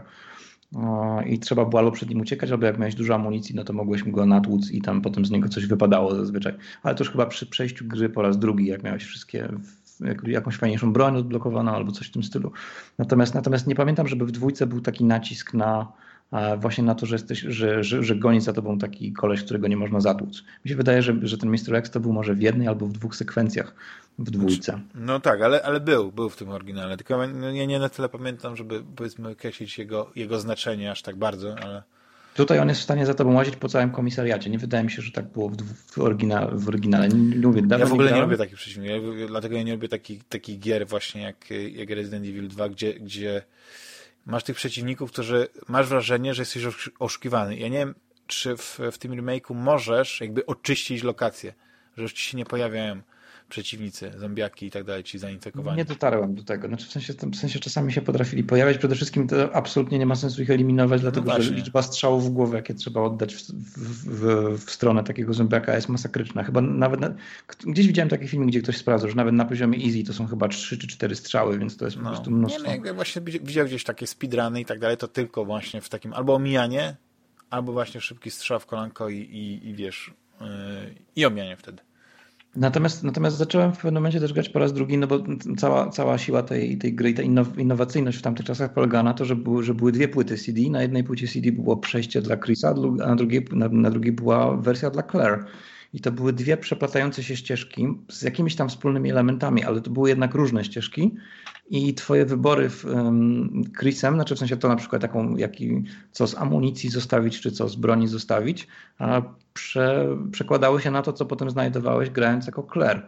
Natomiast tutaj mam wrażenie, że oni z tego pomysłu w ogóle zrezygnowali. To znaczy, to są jakby dwa światy równoległe bo w pewnym sensie robisz prawie to samo albo bardzo podobne rzeczy, tylko w trochę wersji uproszczonej i przyspieszonej, jak grasz po raz drugi i grasz Claire. A, czyli się jakby nie, nie, nie podoba mi się to tak, za bardzo. Nie postarali się pod tym względem. Tak. Niemniej sukces osiągnęli taki, że decyzja o powstaniu chyba tej, właśnie tej trzeciej części remake'a, no to to o, tak, Mimo, że też gra, gra, chyba bardziej jest taka prostsza. No ale to jaka nie grałem w, w trójkę. Te, ja w trójkę też nie grałem. Właśnie jestem ciekaw, co zrobili, bo mówię, bardzo postawili na, taki, na ten koncept, de facto przenieśli koncept z Resident Evil 3 Nemesis do dwójki. Słyszałem, że bardziej jest taki y, nie, że obcinanie kuponu, ale już nie robi takiego wrażenia właśnie jak ten remake e, dwójki. To jest to. No. Ale generalnie jesteś chyba zadowolony z zakupu, mimo że tak e, podchodziłeś do tego tak na spokojnie. Tak, tak, tak. Jest naprawdę, naprawdę ciekawa rzecz, zwłaszcza jeżeli właśnie ktoś miał, ma, ma porównanie. Ale nawet jak ktoś nie ma porównania, to też dobrze, bo to jest po prostu e, świetny klimat oddany nowoczesnymi środkami wyrazu. Mhm. Bernardzie, a ty w co ostatnio grałeś?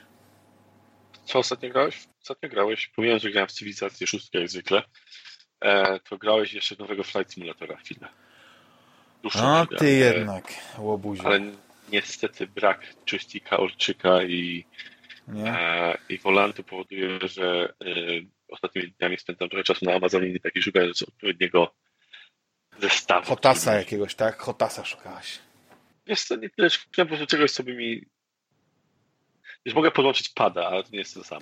Nie, nie, nie. nie. Na klawiaturze jest na klawiaturze w symulatory grało się e, na Midze i no, albo na jakimś Commodore 64. We wczesnych lat czasach PC w F117 albo coś no. takiego. O, pamiętam te piękne czasy, jak się w F15 grało no, na, na tym. Strike, no. Kumpel miał na, na, na Herkulesie, więc to w ogóle wyglądało tragicznie, dwa kolory. Łomatko. Ale był klimat, wiesz, i to... Był, był, był. Wiesz, tam... Wszystkie wektorowe symulatory były boskie. Znaczy oczywiście, no. też wielokrotnie mówiłem... Nawet nie symulatory, nawet, nawet takie zręcznościówkowe były fajne, pamiętam taki F27 Retaliator. Ale to był symulator. ale, ale, to był nie, to była zręcznościówka w porównaniu z... Znaczy ja uwielbiałem, ale to już kilkakrotnie mówiłem, więc tylko wspomnę teraz jeszcze raz. Gunship 2000, tak. tak. No to to był już symulator. Ja na przykład grałem jeszcze w taką zręcznościówkę pod tytułem Thunderhawk. O, super był. No. Durny, bo durny, ale ten, ale na ja pod... moment, ale właśnie zręcznościówka bardziej niż. Mhm. Ja, ja pod wpływem tego Gunshipa to kupiłem sobie tego Gunship z wykrzyknikiem i niestety strata pieniędzy. Więc, więc, więc głównie co teraz zajmuję się, jeśli chodzi o granie, to, to szukam, szukam się zestawów, można sobie ale, ale to znaczy, muszę ci zadać to pytanie. Czy przeleciałeś nad, nad swoim domem w Flight? Nie, nie. Bo Czy przeleciałeś nad jakąś taką e, instytucją? jak mój dom wygląda, to ja wiem, nie muszę przelatywać. Przeleciałem sobie nad miejscami, do których tęsknię, których dawno nie widziałem. Bo na przykład nie mogłem polecieć na wakacje, o. Aha, aha. Eee, Ibiza, Majorka. No, powiedzmy. Gran Canaria. O, takie, tego typu, tego typu miejsca. Tajlandia. Nie, ja, tak. ja, ja bym chętnie polatał, ale mnie no niestety rozbiło to, że ta gra po pierwsze, podobno ma duże wymagania, ale z tego co czytałem, znaczy, komputer by pociągnął. Duże, a... wydaje mi się, bo mój się włączyło, w, e, w, napisał mi, że w, w graficznych detalach low się włącza. A ty masz 20, nie, 1080 masz tej chyba, nie? Mam już, mam RTX 2080 Ti. I masz low. Mam low. To chyba masz dysk, dysk twardy masz wolny w takim razie. I że ta nie, gra chyba z 200 giga zajmuje, nie? No, znaczy wiesz, 100 parę giga się ściągało, nie? Wiesz, to to mi nie przeszkadza, nie? No to tam jeszcze pół biedy. Wiesz, mam stary procek i mało pamięci, więc, więc zupełnie dlatego było. Natomiast powiem tak, jeśli tak wyglądają low details, to stary, zero nam się problemu. Będą naprawdę ładne. Owszem, no ja, może, ja... To, może to być tak, że ja jestem już e, taki stary i że na przykład mniejszą pakę, że, że, że nie robi to nic wiele, bo nie przeszkadza mi, to wygląda gorzej. Natomiast co mi się, no podoba, powiem tak, no nie jestem pilotem, więc, więc y, tylko amatorem y, kanapowym, więc ciężko mi się wypowiadać. Natomiast byłem Jesteś amatorem kanapy, no. Okay. E, ostatni raz się cieszyłem z symulatora, znaczy powiem tak, ostatni raz symulator, który na mnie zrobił takie duże wrażenie, to było coś, co nazywało Solo Flight na Atari. E, I to była gra, którą grałem namiętnie, mając lat 6 czy 7. Nisko, nisko sobie poprzeczkę zawiesiłeś w takim razie? Nie, nie, po prostu chodzi o to, że to była gra, która na mnie po prostu robiła gigantyczne wrażenie wtedy. I podobnie na mnie gigantyczne wrażenie zrobił Rescue e, Fractal. Właśnie nowy ten, nowy Flight Simulator, gdzie po prostu wiesz, co na mnie wrażenie robi symulatory, tylko że niestety to jest kwestia tak, a, trzeba do tego podejść na poważnie i dwa, to jest to, co też powiedziałeś, czyli odpowiedni sprzęt, joystick i tak dalej. To są na przykład te symulatory z, tej, z tego e, D, DSC czy DCS. No i oczywiście jest mod na Falcona 4 e, BMS, który po prostu sprawia, że te gry wyglądają ultra realistycznie i też e, no, no to jest zupełnie inne podejście, nie? Do, do, do, do, do symulatorów no tak, lotniczych. Właśnie jest, to są symulatory bojowe, nie? Bo to się nazywa chyba tak, tak. Combat, coś tak. No właśnie, ale właśnie... wiesz co, ja bym dał, żeby w tym Flight Simulatorze 2020 było F-15, że można było ale właśnie a nie, że jakąś tam wilgą, czy jakimś tam Cessna jest to, że to właśnie to jest cywilny symulator. To jest fantastyczne, że możesz i wiesz, i, i jeśli bardzo chcesz, to możesz sobie polatać tak jak pilocie, tam wiesz, to mnie, to mnie przyciąga do tego. Nie, nie, nie, okej, okay, symulatory bojowe są najbardziej fajne, bardzo lubiałem i bym sobie polatał jak najbardziej potrzebny. Natomiast dla gier, dla mnie Flight Simulator to jest po prostu zawsze był i zawsze będzie cywilny symulator. Dla tego, wspomniałem Solo Flight, bo to była pierwsza gier, którą tego typu grałem. To się chyba pocztę przewodziło między miejscówkami. Nie, no ja cię rozumiem. Znaczy, szczerze mówiąc, to ja jestem bardzo ciekawy, czy, czy ten Flight Simulator 2020 E, łatwo się integruje z tymi dodatkowymi innymi systemami, jak na przykład nie, chyba Explain, inne takie, e, które poz, e, pozwalają na, na mm, wiesz, kontrolę lotu, sterowanie przez, przez lotnicze i tak dalej, bo to, to będzie istotny element, bo to, że ta gra wygląda ultralistycznie i graficznie jest w tym momencie no, numero uno, to nie ma, nie ma dwóch zdań pod względem pewnie symulacji, jak się ten samolot zachowuje w, w powietrzu, też pewnie wszystko jest znaczy, bez wiesz, zarzutu. Podejrzewam, że tak jak zawsze jest przy grach tego typu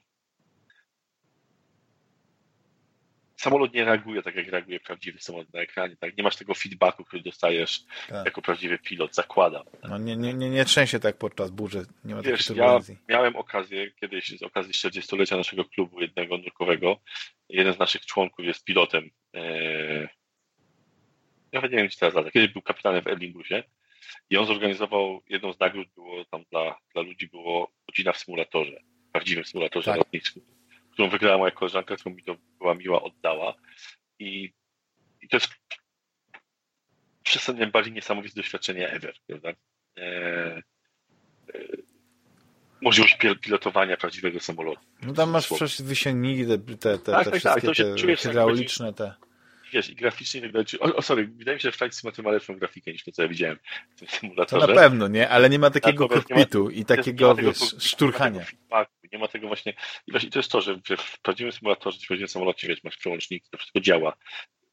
Wszystko jest, przede wszystkim różnica, jak dla mnie największa, to jest pole widzenia.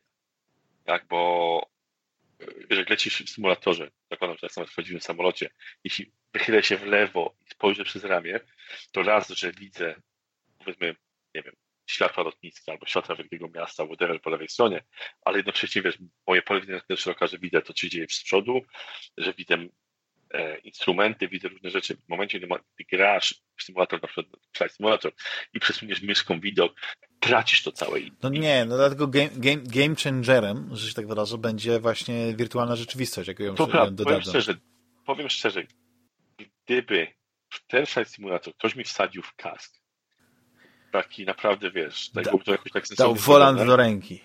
Dostałbym do ręki wolant, porczyki i jakieś tam klawiatury, to mogę przełączać te przełączniki. To powiem Ci, że dlatego bym kupił jakiś kask wirtualny. Naprawdę kupiłbym.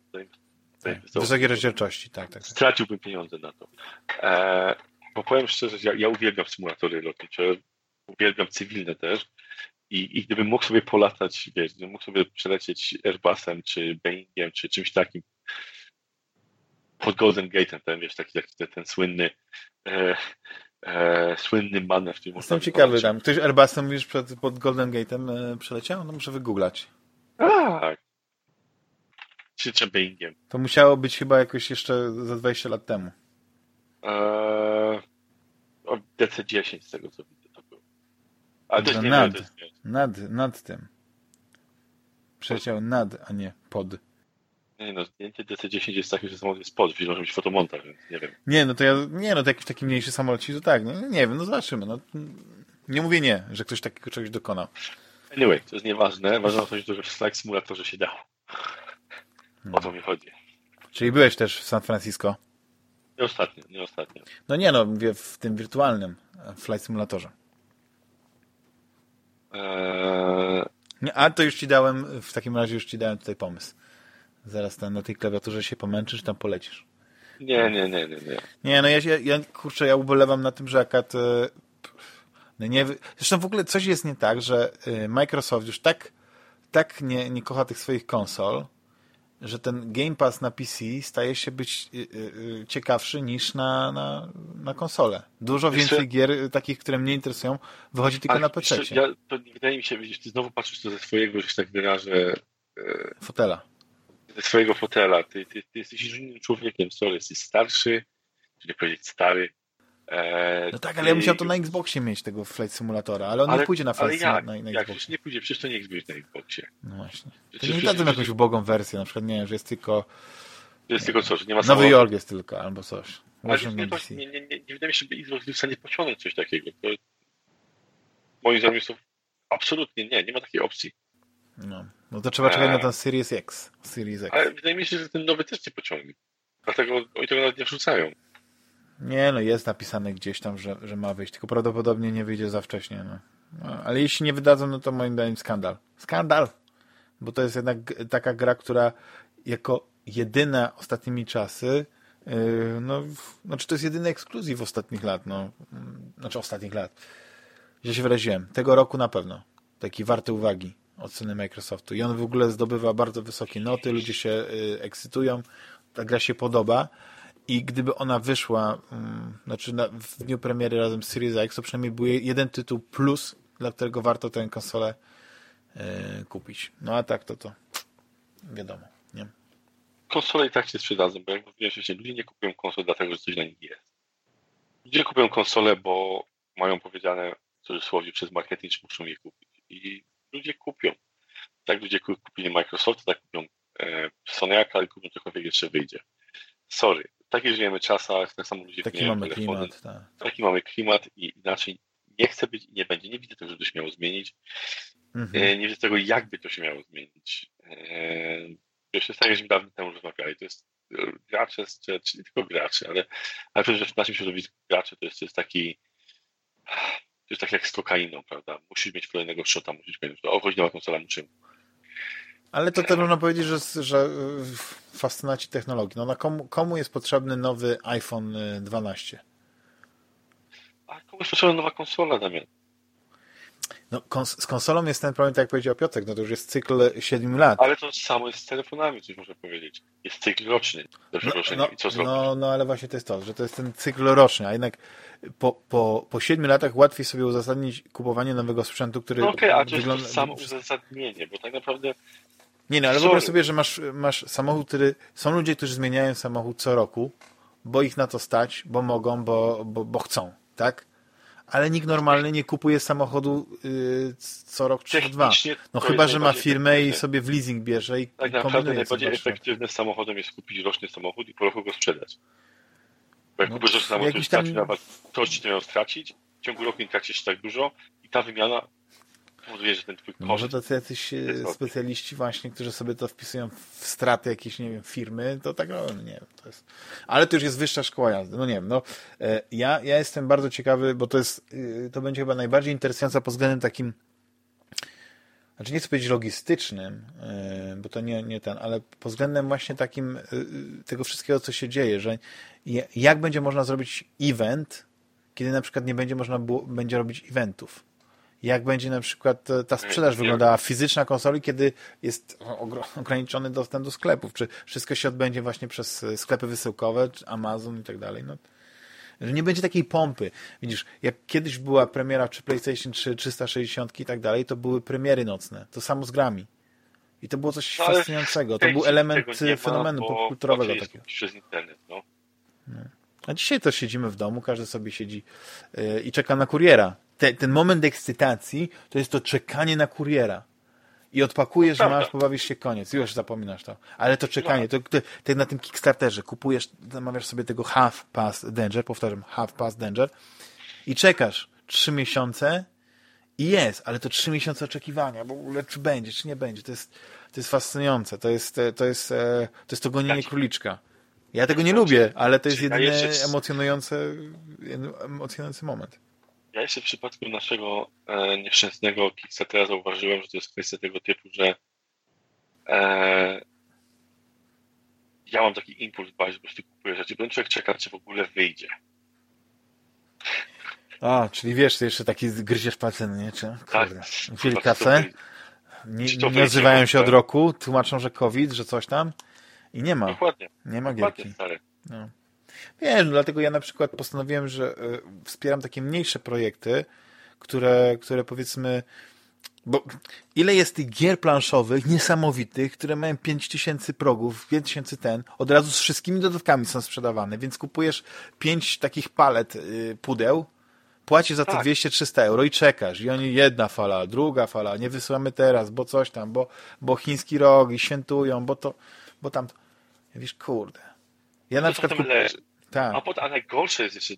Najgorsze Czekam na emeryturę, innego. kubka wstydu. Najgorsze, że kupujesz rzeczy, no w tym leżą. Ja, ja, ja, ja, ja, ja nawet nie wiem, po co ja to robię.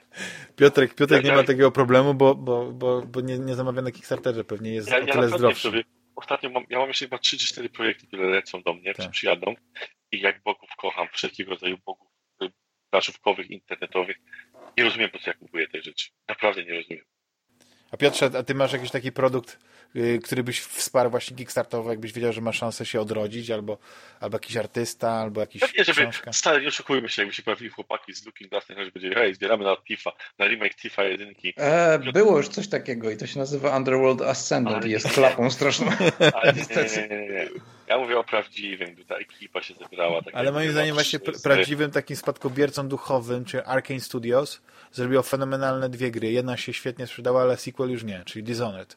Dishonored tak, 2, tak, mimo że to jest moim zdaniem pod wielu, w wielu względach lepszą grą niż, niż pierwsza część. A ja bym nie powiedział. Znaczy, nie, zależy. Znaczy, Jak mówię, tam... Piotr byłby Take My Money, gdyby, tak, gdyby miał wyjść Thief, taki prawdziwy Thief. Taki remake, remake Thiefa pierwszego, ale zrobiony z takim, z takim podejściem jak e, e, tego remake'a w Resident Evil 2. Ale, ale tak, znaczy z jednej strony tak, ale z drugiej strony na przykład jest taka firma, którą jest taka, jest takie, nie firma, jest, taka, jest takie studio, które absolutnie uwielbiam, a przez e, między innymi przez e, filmiki e, wypuszczone przez amatorów, dokumentalistów z NoClipa uwielbiam jeszcze bardziej. Jest to mianowicie studio Supergiant Games. Oni robią fenomenalne gry, oni nigdy nie robią sequeli, każda ich gra jest inna, albo przynajmniej trochę inna od poprzedniczki, nie ma żadnych numerków, każda ma inny tytuł, inne, inne postacie, inny świat, e, ale na przykład ich ostatnia gra, czyli Hades, Hades, została wypuszczona w ramach programu Early Access. Nie dołożyłem do tej granicenta, bo po prostu mam takie zasady. No i nie kupuję takich rzeczy. Tak samo jak, e, tak samo jak na przykład uwielbiam Hitmana, tego, ten reboot, pierwszy, drugi, w drugi jeszcze nie grałem w sumie. Drugi, jest na Game Passie, polecam. Znaczy, ja, no, i ja nigdy, nie, ja nie znoszę takiego epizodycznego, epizodycznego formatu i nie kupuję w ten sposób. Tak samo ja uwielbiam też. Life is Strange, nie kupiłem nigdy pierwszego odcinka zaraz po premierze. Teraz ostatnio kupiłem, właśnie, kupiłem Life is Strange 2 i będę teraz w to grał. Natomiast długo, długo po premierze, jak już były wszystkie odcinki, także ja wolę jednak poczekać na całość. A swoją drogą Hades wy, chyba wychodzi właśnie z Early Access, ma być chyba wersja 1.0 jakoś niedługo. Nie mogę się też doczekać. Co to? Tak, tak, tak, tak. Super Giant Games, tak. Super Giant. Tak, tak, tak, tak. To nie, nie. Bardzo, bardzo ich lubię, bardzo lubię ten styl. Mi się który Pyre bardzo podobało, ale w pewnym Pyre jest moim zdaniem jedną z najlepszych gier, w jakie grałem w ogóle. Tak. Po prostu zachwyciła mnie. Znaczy, najbardziej to mnie zachwyciła oczywiście otoczka i ten Choose Your Own Adventure, tak? ten, ten tryb jakby roleplayowy. A sama ta, sama ta koszykówka jakby, bo to taki jest Space Jam, nie? A on jest śmieszny. śmieszny. Znaczy jest na pewno lepszy w ogóle ta gra, ten, ten, ten, ta wersja, znaczy no, koszykówki, że się tak wyrażę, tak powiedziałeś. E, bardziej mi się podoba niż w ogóle sam Space Jam. W ogóle Space Jam dzisiaj czasem mi się wydaje, że jest tak średnio grywalny jako, jako, no. te, a, a to Pyre i tam jest taktyka i ci zawodnicy mają różne umiejętności, moce, szybkość Mi tam, mi tam zaczęło przeszkadzać w momencie, kiedy zaczynasz odsyłać tych, tych, tych kompanów, nie? To, a to jest fajne, to jest fajny mechanizm, bo właśnie okazuje się... Tracisz tych naprawdę dobrych, nie? Kurde. Tracisz dobrych i jednocześnie, a jednocześnie masz coś takiego, że no kurczę, no ci, ci się, naj, najbardziej ci, ci się, że tak powiem, przyczynili do sukcesu, no to należałoby ich nagrodzić tym i ich posłać tam, tak, żeby już sobie odpoczęli. No, to, nie, jest, no. to jest zabawne. Fajny eksperyment też taki formalny pod względem fabuły, bo tam można w ogóle wszystkie te mecze przegrać i mimo wszystko to jakoś idzie do przodu ta fabuła. Mhm. No widzisz, a mi tam ambicja nie pozwoliła właśnie, że ten zawsze... Ale, ale przyznam, że miałem taki moment, że ja grałem dla samej tej rozgrywki, że y, te, te rozbudowane dialogi, ta, ta fabuła była tylko tłem, tylko tłem. No. A, a na przykład nigdy nie liznąłem tego tranzystora i właśnie nie wiem, czy Piotrze polecasz tranzystor? Ja nigdy nie jestem żadnej z tych gier. To jest ja znany hater, Bernardzie. Nie ja nie lubię, hater, nie lubię tej, tej, tej estetyki. Nie lubisz A... gier rysowanych, tak? Ty lubisz tylko deepfake Lubię gier i... rysowanych w głębokiej mangowo JRPG-owej estetyce. No jest tam trochę z JRPG, natomiast... Trochę. E, natomiast... Czy to jakbyś był bliżej, ciebie rzucił kurde kamieniem. No. Jako miał jakiś. Trochę. To znaczy mi się ten, mi się Bastion nie podobał jako gra ogólnie biorąc. Jako, generalnie to był śliczny, wyglądał, wyglądał, wyglądał fajnie, natomiast ja jakby w ogóle nie kupowałem tego ich pomysłu z tym narratorem, który ci opisuje to, co ty robisz na ekranie. Nie wiem po co im to było, szczerze mówiąc nie rozumiem tego chwytu. A to było takie nowatorskie, że wiesz, że tam że to jest Aż ten, ten aktor jest bardzo fajny, on ma bardzo fajny głos, ten facet, który podkładał głos pod tego, pod tego narratora. Natomiast też muzyka natomiast, była świetna w Bastionie, to też trzeba... Muzyka jest absolutnie rewelacyjna, ścieżki dźwiękowej, w ogóle ścieżka dźwiękowa, w ogóle Darren Korb to jest fantastyczny człowiek. Ja do tej pory słucham ścieżki dźwiękowej z Bastionu, z Transistora i Spire. Chociaż Spire, Spire jest takie już tak, troszeczkę spokojniejsze. Mam wrażenie, że Transistor to jest po prostu jego opus magnum. On się tam po prostu tak zrealizował w, łącznie z tą, jak się nazywa ta pani? Ashley Barnett? Ashley Barrett?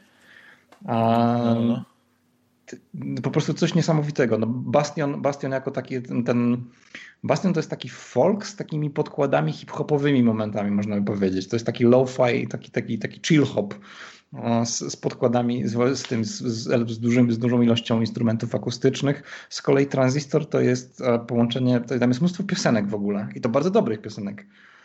Co jest zaskakujące jak na, jak na ścieżkę dźwiękową do gry.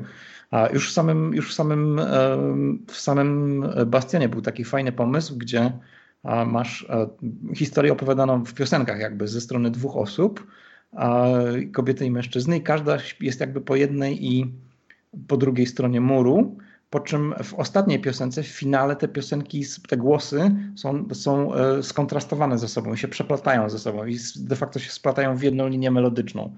Jest to super. To są, to są, to są takie rzeczy, o których wiesz, normalnie nie myślisz. Tak samo zresztą jest w, w Pyre jest jeszcze lepszy eksperyment muzyczny zrobiony, dlatego że końcówka, jak już lecą kredyty, jest zrobiona tak, że ona opowiada ci historię postaci, jakby te, te, tak jak masz, nie wiem, te zakończenia w Falloutie, jakieś tam odgałęzienia, on, tylko, że to wszystko jest śpiewane i to jest dostosowane do Twoich wyborów w grze, to co zrobiłeś z postaciami. To jest generowane, to, to jest grane dynamicznie na podstawie tego, co Ty zrobiłeś. Więc każdy ma troszkę inną. Wiadomo, że tam tych permutacji nie jest, jest, jest skończona ilość, tak? To nie jest to, że tam jest tysiąc kombinacji, ale mimo wszystko robi to mega wrażenie. Także nie, nie ja, ja, ja studio Super Giant Games uwielbiam. Za to właśnie za muzykę, za, za w ogóle to, tą pieczołowitość. Ta, nie wiem, czy wiesz, ale um, za warstwę graficzną, za styl graficzny w tych grach odpowiada tak naprawdę jedna dziewczyna. To jest Jen Lee. Ona jest w tej chwili tam art directorem. Oczywiście ona ma teraz już, już pod sobą e, dużo ludzi, no bo, bo, bo ta firma się taki rozrosła. sukces, tylko że właśnie też jest tak e, im znaczy mam takie wrażenie, jak oni zaczynali, to oni byli w stanie, y, oni dużo gier wydali relatywnie w krótkim czasie, a teraz ta ostatnia, te ostatnie gry to tak im się przedłuża i ten Hades też jest taki no, no bo on, jak, jest, jak, sobie, jak sobie wejdziesz na NoClipa i zobaczysz sobie to, zobaczysz, bo oni, oni, mają tam serię filmików dokumentalnych, bo oni się bardzo lubią z, właśnie ze studiem Supergiant Games, um, to zobaczysz, że de facto ten Hades jest w takim, już wychodzi chyba teraz z takiego development hell jednak, a, dosłownie, także, także oni mieli tam problemy z produkcją, tak, tak, tak. W ogóle ja, ja natomiast, mam natomiast sentyment do tego rzeczy. Ja mam w ogóle sentyment do tego studia, bo e, tam jeszcze za do, starych dobrych czasów do, do, do tego studia e, przeszedł Greg Kasabin, który był redaktorem naczelnym. jest założycielem tego studia. On jest ojcem założycielem tego studia. I, na, I, on jest tym, on się zajmuje, no jak to się nazywa? Z tego co... co... On, on pisze wszystkie fabuły. No tak, ale, ale tak założycielami są Amir Rao i Gavin, Gavin Simon. Czy Simon, nie wiem jak to powiedzieć, nie przeczytać. No tak, Amir też na pewno. Natomiast, ten, natomiast mi się wydaje, że, że Kasabin chyba był też jednym z założycieli. On może, może on do niego. Może właśnie tak, ale, ale, ale, ale to było to, że. Ale mi się to... wydaje, że oni wszyscy są trójką znajomych, którzy pracowali w Electronic Arts.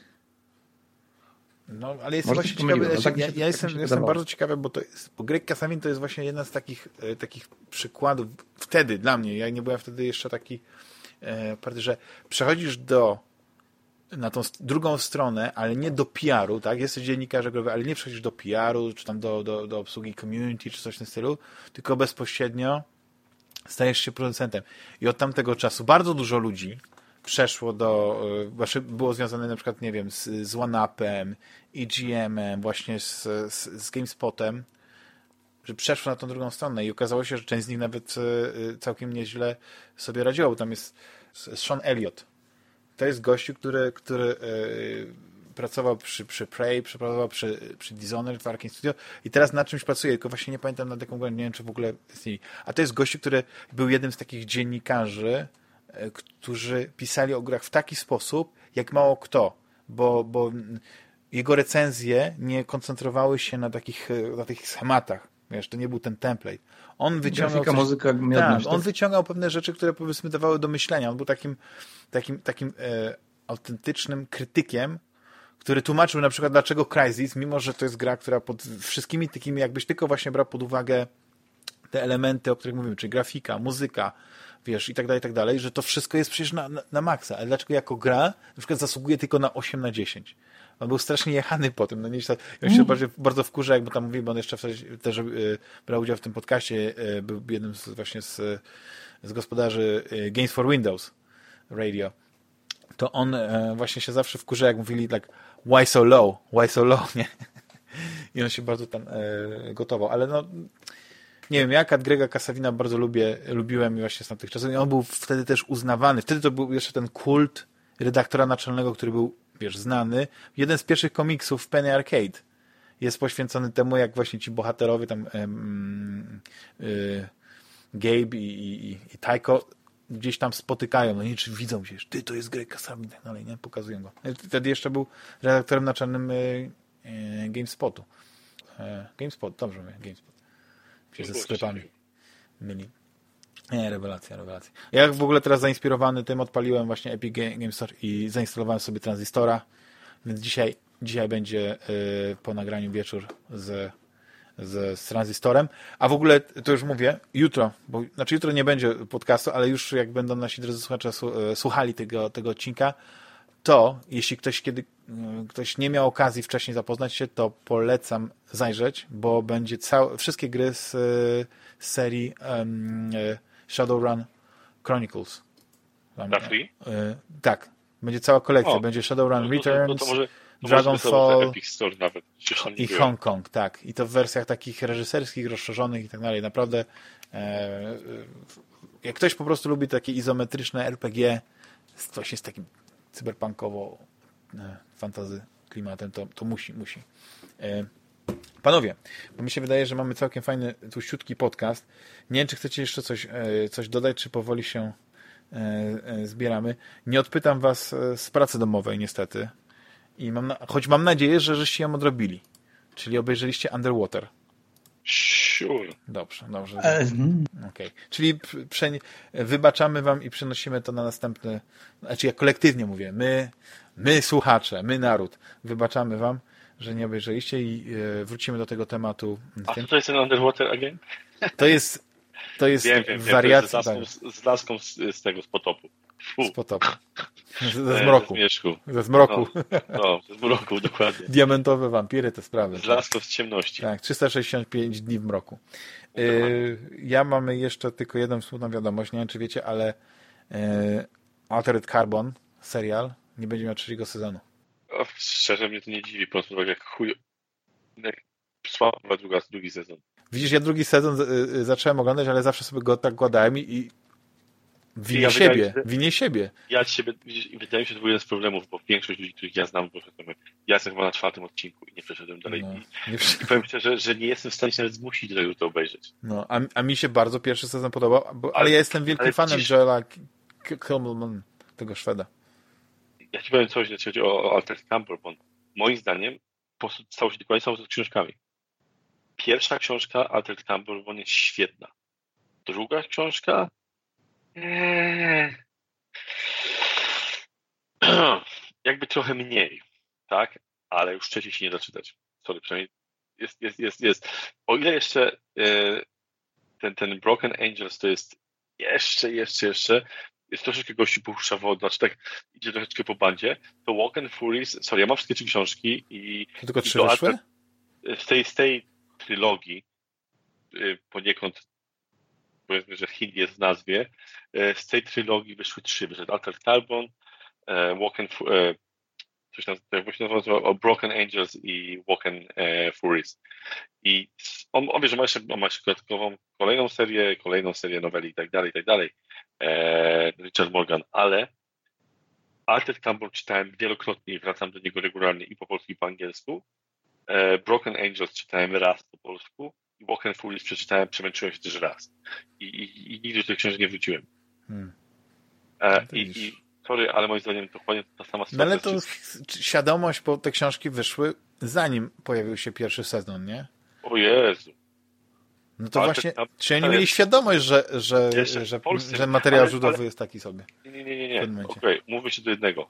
E, to, co jest w drugim sezonie Altered Carbon nie ma zupełnie nic wspólnego z drugą książkę. Aha. Czyli to jest w ogóle jakaś tam ich, ich pomysł na, na to, tak, żeby... Tak, tak, to już jest, to już jest e, ich znaczy wiem, no, dla mnie Alter Camo to był taki e, przykład, że pewne rzeczy mi się nie podobały, bo zmienili tam, tam, ten sens tych e, emisariuszy, ale jednak to była ich wizja i poza tym, że no, ci, ci survivor, jak oni się prepersi, tak, zupełnie mi nie podeszli, to, to co oni tam robili, to jednak wszystko, co było związane właśnie z, y, z tą częścią science fiction, z tym śledztwem, z głównym bohaterem, cały ten w ogóle ten świat przedstawiony, jak, e, jak, jak to wyglądało, dla mnie to była rewelacja. To, był, to, to było coś, co, co, to, co mi się ale, bardzo ale, podobało. Ja, ja była jakaś inna Super, tak zgadzam. Pierwszy sezon moim zdaniem jest naprawdę fajny. Jest naprawdę fajnie zrobiony. Okej, okay, jest, parę rzeczy się do książki te zmiany tej inicjatywy tak dalej, jak znasz dobrze książkę, to można męczyć, ale są rzeczy zrobione, moim zdaniem, tak jak fenomenalnie. Wiesz, ten świat przedstawiony, Bancroft, e, Poe, e, one są po prostu fenomenalnie zrobione i fantastycznie wygląda. Ja, ja... Super. Natomiast ja naprawdę nie bardzo wiem, o co chodziło w drugim sezonie, w sensie gdzie oni dążyli w drugim sezonie. I, i dla mnie po prostu nie, nie dążyli donikąd. I, i, i przestałem oglądać. No. No niestety, niestety. No. A, a widzieliście X-Men Dark Phoenix? Nie. Ja nie oglądam niczego z komiksowego już od dawna, bo obejrzałem na, Dis filmy. na Disney Plus jest. No, ale to... Nie obejrzałem ani jednego filmu na Disney Plus. Mam roczną subskrypcję. Ani jednego serialu, tam nic nie ma. Tam Podoba mi się, że wspierasz tak po prostu z dobroci serca tę korporację tego Disneya ja i, jeśli chodzi o i nie korzystasz. To jest, ja jestem taki dobry, jeśli chodzi o platformy streamingowe i siłownie. Ja jadę, wykupuję karnet na rok, jakiś czas przyjeżdżam sprawdzić. Jesteś ich ulubionym klientem. I, wy, I wykupuję kolejny. Nie obciążasz systemu, a jednocześnie prawda, pozwolisz się utrzymać. Tak samo robię z, z platformami streamingowymi, Pariusiem.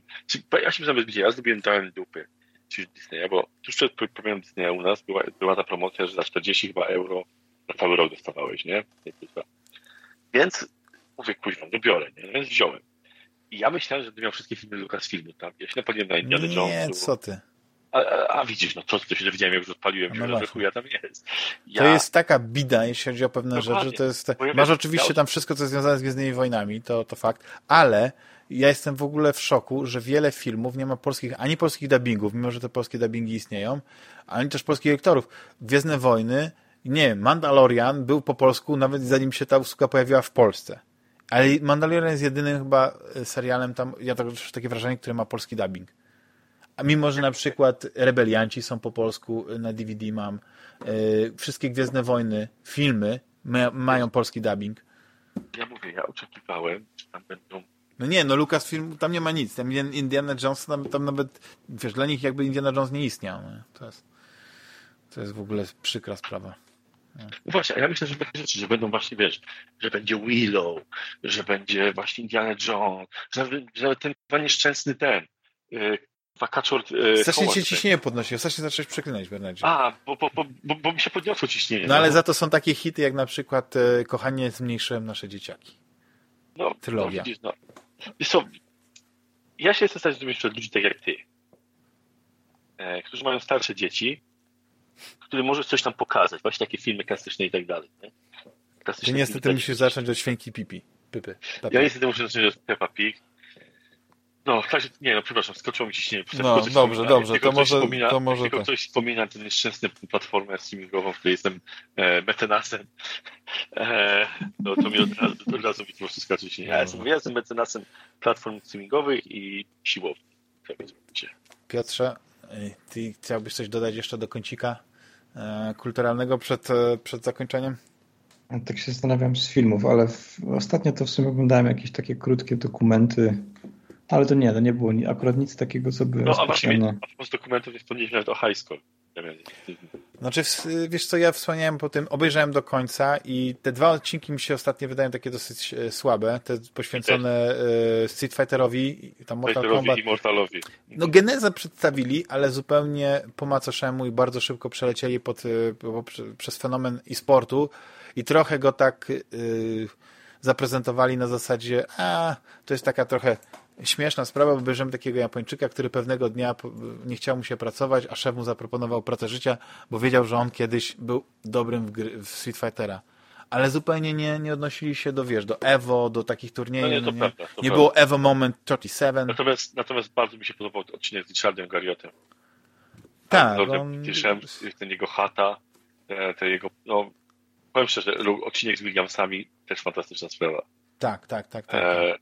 Więc, więc... Znaczy, e, ja gdzieś właśnie przeczytałem bardzo ciekawą opinię, że oni bardzo wybiórczo potraktowali tę, tę, tę historię i że to też była trochę taka Ameryka kontra Japonia, tylko że, że dla pełnego obrazu tej Ameryki to moim zdaniem zabrakli, zabrakło zupełnie. I nie wiem, to, to, to jakby w ogóle to Amerykanie nie produkowali tego filmu, że zabrakło tam genezy E, tego, wideo, tego rynku konsol domowych, czyli właśnie Atari 2600, czy tam video prawda, no. E, computers, czy tam no, nie, nie było tego. Tam jakby zaczęło się od Space Invaders i tam jest bardzo takich par takich ikonicznych. To jest taki, taki świetnie zrealizowany pod względem takim technicznym e, serial, ale tam bardzo mało jest takiej konkretnej treści, ale, ale dobrze, że udało im się pokazać kilka ważnych postaci. Dokładnie. Ja byłem, mi się bardzo podobały te, te, te wywiady, na przykład czy z twórcą Pacmana, czy, czy właśnie z gościem od, od, od, od, od Space Invaders, czy, czy ten motyw z, z Williamsami, czy z Gargotem, czy z ludźmi takimi, wiesz, co, co, co, czy nawet goście, jak, jak projektowali. Bardzo mi się podobał ten cały wątek Segi e, i, tak. i Sonika i tego, jak, jak postanowili walczyć z dominacją Nintendo.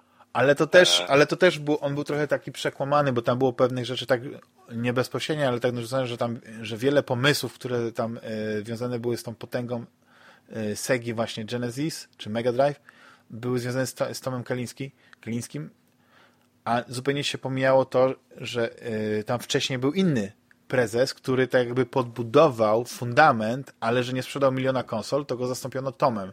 A Tom był trochę jak, jak jak się nazywał ten? John Scully? Który był wcześniej e, prezydentem e, Pepsi i przeszedł do Apple, bo, bo e, Jobsowi wydawało się, że, że jest potrzebny ktoś, kto po prostu tak, jest tak. spoza branży, ale rozumie, wiesz, jakby tą, tą ideę bicie CEO, no nie? CEO, Tylko, że tak, wiesz, tak. i trochę tak było, bo wiesz, Pepsi okej, okay, miała tam różne wersje, tam jest niebieska Pepsi, przezroczysta Pepsi, ale to zawsze jest Pepsi, nie? To jest jeden ten napój i cały czas musisz wokół tego napoju krążyć. I, i, i z, z, Apple 2 e, to było tak, że to był komputer, który miał swoje jakieś tam grade, ale on chyba był przez 10 lat ileś tam, no nie wiem, tej, tej, iteracji. To był do lat 90. I oni na cały czas na tym Apple 2 je, jechali i te wszystkie inne rzeczy dopiero wypłynęły e, później, to oczywiście jak już wrócił Steve Jobs, no to jakby to jest ta nowa era Apple, ale to już jest zupełnie inna historia. Nie tutaj czasu Moim zdaniem taki dobry serial, e, który, który, który też właśnie warto obejrzeć, jeśli chodzi o historię gier, to są te wszystkie e, dokumenty, które właśnie chyba powstały dzięki, nie wiem czy Kickstarterowi, ale to te, te From Bedroom to Millions i tak dalej, to cała ta seria, no. o Amidze i tak dalej, bo tam też są właśnie ci twórcy e, tych, tych, tych, e, tych, tych początków, ale też bardziej skoncentrowany na, na, na Europie, Wielkiej Brytanii i przede wszystkim na komputerach osobistych, więc jakby to jest taki ciekawe, bo tu mamy wielkie, wielkie, wielkich gigantów, no, które mia, miały, miały, miały znaczenie, ale też moim zdaniem no, to, że akad yy, yy, Nolan Bushman się pojawia, to jest fajne, ale jego, no, mało jest tego Nolana, że się tak wyrażę. Że no, zupełnie nie ma, nie ma nic ciekawego.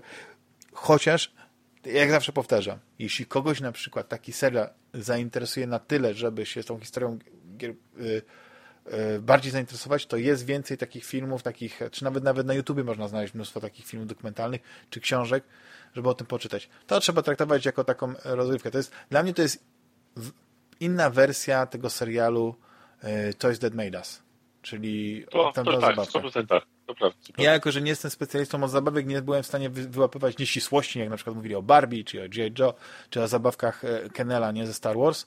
I oglądałem to po prostu jako taką ciekawostkę i wiesz, bardzo się cieszyłem, jak widziałem tam Boscha, który okazuje się, że oprócz tego, że ma fajny dom na, na, na zboczu góry, na skarpie, to jeszcze ma kolekcję pełną, wiesz, zabawek, no nie? To no. super gość okazuje, no nie? No.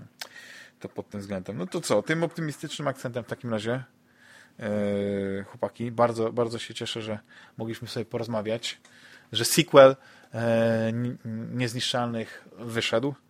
Myślę, że bo jeszcze miałem parę rzeczy, ale to myślę, że następnego kącika kularnego następnej, następnego do trzeciej części tej trylogii e, zostawię. Bardzo, bardzo serdecznie dziękuję za rozmowę Piotrkowi. A dziękuję bardzo. Myślę, że zasnął i Bernardowi. Nie, już jest technologia taka, że jest, jest pewne opóźnienie na, na, na, na Dziękuję, dziękuję również Tobie, Piotrkowi i naszym drogim radiosłuchaczom za to, że nas słuchają. Oczywiście. Dzięki. Pamiętajcie, żeby komentować, odzywać się czy na grupie na Facebooku Fantasmagieria, e, czy na, oficjalnym profilu. I to wszystko. Do usłyszenia za tydzień. Cześć. Hej.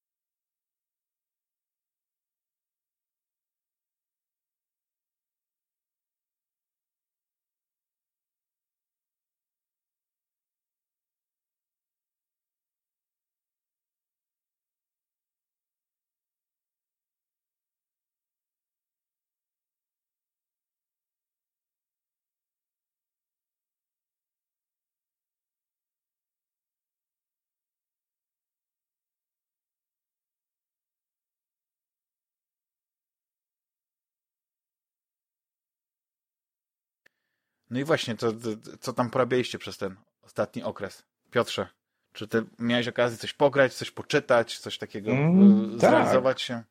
Tak, tak. To znaczy mm, z, z, książek to przeczytałem rzecz, którą, którą miałem już, już jakiś czas temu przeczytać, ale koniec końców w sumie to tak naprawdę doczekałem aż do drugiego wydania tej książki, a mianowicie 13 e, pięter e, Springera. To jest książka o historii polskiego budownictwa mieszkaniowego od czasów e, praktycznie dwudziestolecia międzywojennego do, e, do czasów dzisiejszych.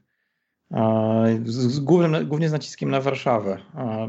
No jest, jest to dosyć fascynująca historia, przerażająca momentami, mhm. zwłaszcza, zwłaszcza jeżeli chodzi o czasy współczesne i na przykład temat e, czyścicieli kamienic w Warszawie. A to też thriller, horror, nie tylko dla thriller, fascynatów horror, architektury. Zdecydowanie thriller, horror. 13 tak. pięter to tak brzmi jak 13 godzina. Wiadomo, co to e, znaczy. Albo 13 piętro, taki film nawet był. No nie, tutaj klucz, kluczem jest... Kluczem jest, kluczem jest, e, znaczy tytuły rozdziału są w ten sposób rozdysponowane. Na początku w ogóle są jakby pomieszczenia albo na przykład um, um, na przykład e, rzeczy typu garaż, czyli, czyli na przykład części działki, takie podzielone na funkcje, a potem się zaczyna a potem zaczyna się, e, że tak powiem, pięcie w górę. No to jak I jest parter, pierwsze piętro, drugie i tak dalej i jakby, bo to jest, to jest tak naprawdę, najpierw jest ten rys historyczny, a później są e, wywiady z różnymi osobami mieszkającymi na konkretnie na tych piętrach właśnie, w, e, zazwyczaj właśnie w jakichś blokowiskach albo apartamentowcach. No i za każdym razem to są historie dosyć niesamowite, znaczy dosyć mocno przygnębiające. W książce jest w ogóle dosyć dużo mhm. bardzo tragicznych historii. Cały ten rys historyczny zaczyna się w ogóle od całej masy samobójstw z, ze względu na brak przestrzeni do mieszkania po prostu najzwyczajniej w świecie, jakieś trudne, trudne warunki finansowe, e, utratę majątku, utratę mieszkania, wyrzucanie na bruk. Takie, no, no bardzo, to są, to są takie dosyć ciężkie klimaty. Natomiast on, dla mnie najciekawsze w tej książce było e, oprócz samego rysu historycznego, jakby, jakby próby nakreślenia tego, jak w ogóle, skąd się w ogóle wzięła ta idea mieszkalnictwa w Polsce, no bo my to, nie ja to nie pamiętam za dużo i generalnie wszystkim się to kojarzy z komuną, zwłaszcza, zwłaszcza, to, to, to, zwłaszcza budownictwo mieszkaniowe i spółdzielnie mieszkaniowe, to się wszystkim kojarzy z komuną i z tym, że mieszkanie dla wszystkich, mieszkanie dla robotników i tak dalej, i tak dalej. Natomiast tak naprawdę te idee miały, rysowały się dużo, dużo, dużo wcześniej. Um, I z drugiej strony ja na przykład też nie miałem takich, za bardzo takich wiadomości odnośnie tego, jak to wyglądało i wygląda do tej pory e, w czasach współczesnych. Czyli na przykład to, jak e, straszliwie, jak w, w jakim napięciu żyją ludzie w dzisiejszych czasach. I to poniekąd tłumaczy, dlaczego ludzie są tacy straszliwie nerwowi. I, to, i zarówno w Łodzi, w Warszawie, w różnych dużych miastach dlaczego ludzie są, żyją na, cały czas na krawędzi chyba załamania nerwowego, mam wrażenie. Jest opisany na przykład cały ten, cały ten proces, gdy wmawiano ludziom, że po pierwsze, fantastyczna kampania marketingowa różnych banków, które się pootwierały po upadku komunizmu. i Domyślam się, do czego zmierzasz, że chodzi o posiadanie e... mieszkania, tak? A nie wynajmowanie. Nawet nie posiadanie mieszkania, tylko w ogóle posiadanie kredytu to nawet do tej pory jest objaw dorosłości. Jeżeli jesteś dorosły, masz e, współmałżonka, współmałżonkę, nie wziąłeś, a nie wziąłeś kredytu, to, nie, to jesteś gówniarzem. Są, ta, są tacy ludzie, którzy tak myślą, bardzo, zwłaszcza te młodsze pokolenia jeszcze od nas. Zostały, im zostały mózgi tak wyprane konkretnie przez reklamy, w których e, kredyt jest tak naprawdę czymś tak naturalnym jak oddychanie, że tam są, w, w, tej książce znajdziecie, znajdziecie opowieści ludzi, którzy na przykład nie mają kredytu, nigdy nie wzięli kredytu, bo akurat mieli farta i nie musieli brać. I to do tego stopnia zmieniło ich życie. Jest to na tyle, na tyle różne od, od życiorysu i od doświadczeń ludzi, którzy żyją z tym kredytem przez 30 lat, że to porozbijało całe e, paczki przyjaźnie i znajomości. Bo ludzie, którzy ma, mieli kredyt, patrz, maj, czy mają kredyt do tej pory, patrzą, patrzą na ludzi, którzy, którzy tego kredytu nie musieli brać, jako na takie niebieskie ptaki, na ludzi, na, ale na takie gówniarstwo, które nigdy nie dorosło. Znaczy, ale wiesz, to jest też związane z tym, że na przykład e, nawet jeśli, jeśli nie masz tego kredytu, to i tak musisz na przykład płacić za wynajem.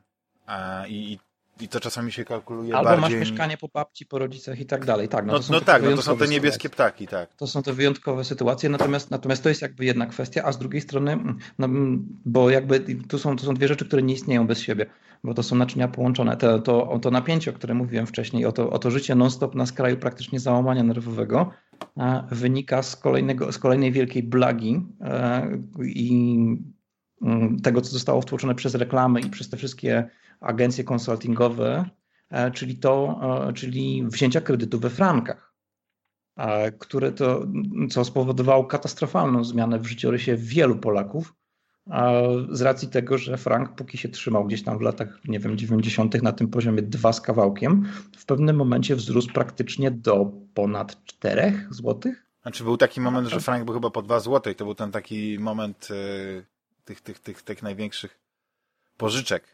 Jak się tak, okazuje, i zresztą, wszyscy eksperci przez kolejne lata mówili, że frank to się na pewno się kurs tego franka nie zmieni, wręcz jest duża szansa na to, że się obniży i to napędzało kredyty, po prostu branie kredytów straszliwie.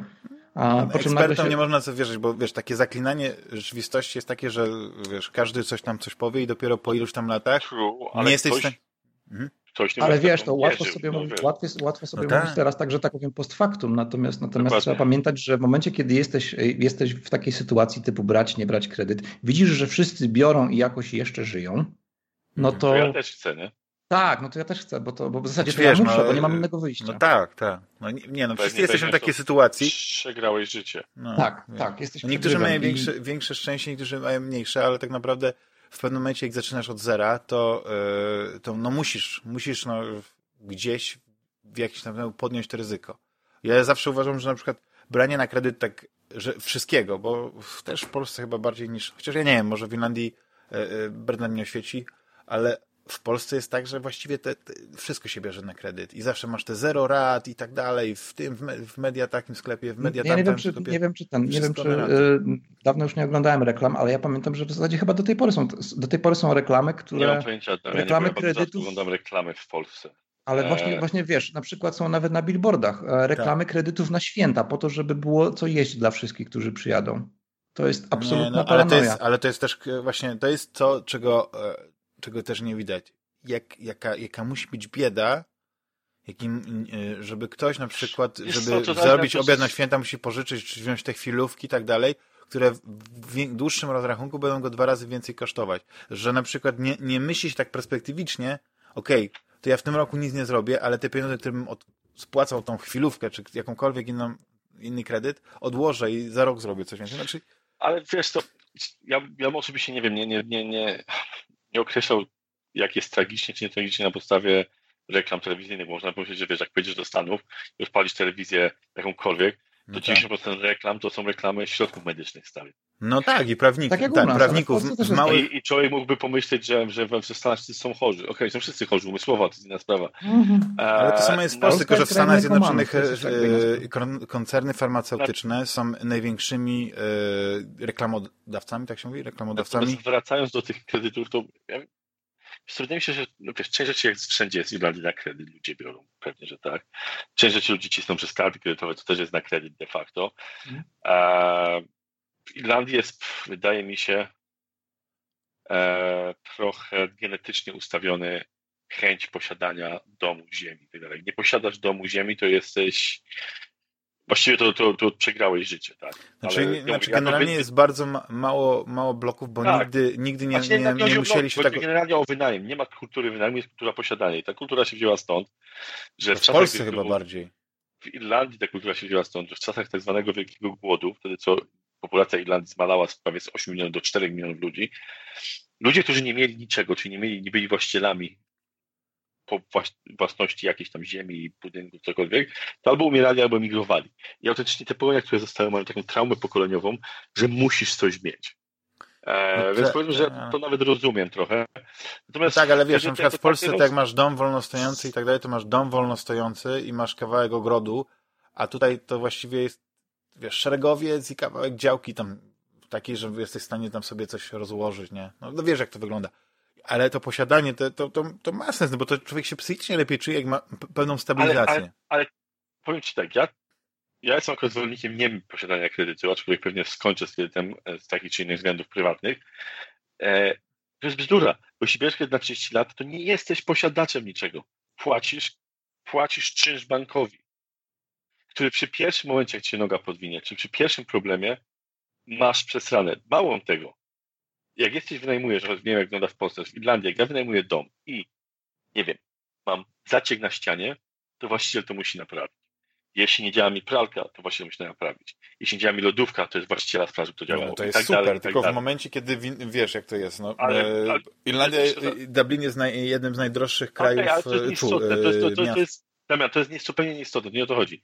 To jest, to jest besides the point. The point jest taki, że kupując dom od pożyczając dom od banku, wynajmując banku na 35 lat, wszystkie te naprawy są twoje, no, ty no. płacisz bank czynszowi, bo ty niby jesteś właścicielem, ale ty nie jesteś właścicielem. I teraz jeśli cokolwiek ci się stanie, e, jakiś na sposób życiowy, nie ma pola do negocjacji generalnie. Tam okej, okay, tam może dostaniesz roczny, nie, ale to ja, ja wiem, o co chodzi. To nie musisz tłumaczyć, tylko, tylko wiesz, co mi chodzi. Chodzi o to, że w pewnym momencie, kiedy, kiedy ta różnica yy, kosztu wynajmu i kosztu kredytu jest, jest taka, że bardziej ci się opłaca jednak e, płacić temu bankowi, bo, bo no nie zakładasz, że no, nie będziesz kiedyś pracował. No oczywiście im, im państwo bardziej socjalne, tym masz większe, e, większą szansę, żeby jakiś, w jakiś sposób e, przetrwać te trudne momenty, nie? Ale... No to prawda, ale teraz wiesz, no to jest coś, co wygląda, że ja, wiesz, ja nie mówię, ja nie mówię, że... Nie, nie no, ale 30 lat to jest tak ciężko właśnie cokolwiek przewidzieć, nie? No, bo no można po 10 latach mi się znudzi coś i ja bym tak naprawdę chciał wyjechać, albo znajdzie się lepsza praca w innym miejscu i co? No właśnie, bo to, bo to ci ogranicza bardzo też to takimi względami. Nie jesteś, jesteś mało mobilny zupełnie, jesteś przywiązany na przykład. mówią, że e, o, masz dom, jesteś właścicielem, masz coś, to jak 5 lat sprzedać. Ale to nie jest tak, że dom sprzedać jest łatwo. Ja na przykład wynajmując, jeśli, i mówię, to jest moje podejście, i ja godzę się z tym, że za to moje podejście i za te moje convenience płacę dodatkowe, niech to będzie frycowe, czy jak to zwał, kto jestem frajerem, ale jeśli mi się że dom nie podoba, albo do domu obok wprowadzą się, nie wiem, drag dealerzy, albo prostytutki to nie było, by było fajnie, drag dealerzy, albo kuźwa, nie wiem, blisko, no. czy cokolwiek, to ja mogę się zebrać i napisać maila do mojego landlorda, e, wiesz co, nie podoba mi się to, wyprowadzam się, dziękuję, do widzenia i za ileś tam tygodni, czy dni, czy miesięcy może mnie nie być, po prostu. Może nie, no nie, wiadomo, wiadomo. Może ale... nie być free i może nie mieć bez żadnego najmniejszego problemu. No. Natomiast jeśli jestem właścicielem tego domu i wprowadzi mi się tutaj drug dealer obok, albo jakiś, jakiś znana rodzinna przestępca, albo cokolwiek w tym, w tym temacie, to jesteś w dupie. Bo tak, wartość twojego domu spada tak bardzo, że nawet jak go sprzedasz, to i tak zostajesz z dupnym kredytem. E, twoja mobilność spada, bo e, przeniesienie się już przez ok, jest wszystko, oczywiście jest wszystko do ogarnięcia i, i możesz wynajmować, możesz swoje sprzedać. No to opłaca się e, kupować tylko na tak flipa. Dalej. Na flipa się opłaca. no, do flipa, tak, flip, kurwa, Los Angeles czy Las Vegas i jedziemy, nie? Hmm. Więc mówię, no, bardzo ciekawy temat, który, który tam... Nie, do, ja bym do, powiedział tak, że, że on jest tak życiowy i tak, tak yy, dołujący, że, yy, że ja rozumiem na przykład, dlaczego ten temat właśnie w książce, tak jak Piotrek to przedstawił, że pokazuje właśnie ten dramat ludzi, no bo to, no nawet tutaj, jak my rozmawiamy, nie czytając tej książki, na pewno poruszamy pewne rzeczy, które, które autor przewidział i nawet lepiej e, opisał, no nie, rozmawiając bezpośrednio. Czyli tam jest dużo takich życiowych przypadków, o których się na co dzień nie myśli, na przykład, na przykład takich, że e, ludzie mają jakieś ambitne plany życiowe, biorą te kredyty i widzą także Um, tam, tam, jest dobre, tam jest też dobrze pokazany punkt widzenia um, dewelopera na przykład, mhm. um, o, osób w ogóle na przykład z biura pośrednictwa nieruchomości, w tej książce jest pokazane, tam jest taka kobitka, która jest mega szczera z tym gościem, czy z tym gościem, Boże, ze Springerem tak. E, w ramach tego wywiadu, bo ona mu mówi na samym początku, wie pan co, ale co ja bym panu nie powiedziała, to pan mi i tak nie zepsuje sprzedaży, bo to i tak będzie szło.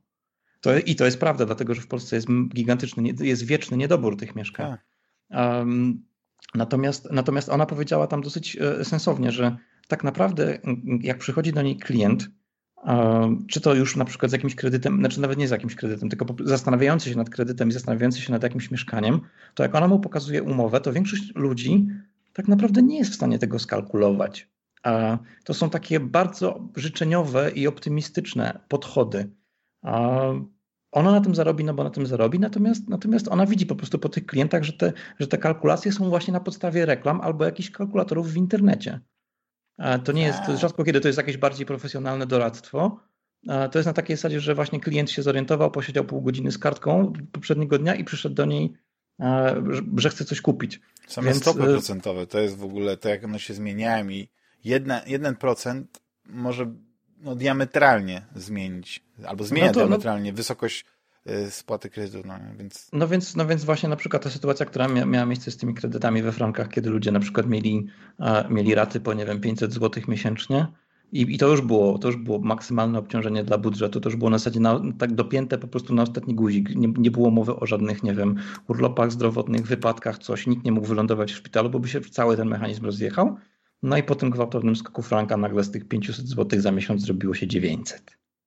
to są straszliwe dramaty. Ale też jest taka stygmatyzacja u nas. W 900, sensie, właśnie... nawet jakby było 900, to tam mi się wydaje, że teraz to się w tysiącach liczy te, te bo to e, tak większość ludzi bardzo, bardzo ładne domy, mieszkania sobie kupiły. Bo... Całkiem, całkiem możliwe. Natomiast właśnie jest też taka stygmatyzacja i w zasadzie on chyba podał tylko jeden przykład miejscowości, już nie pamiętam co to było, czy to był Starogard Szczeciński?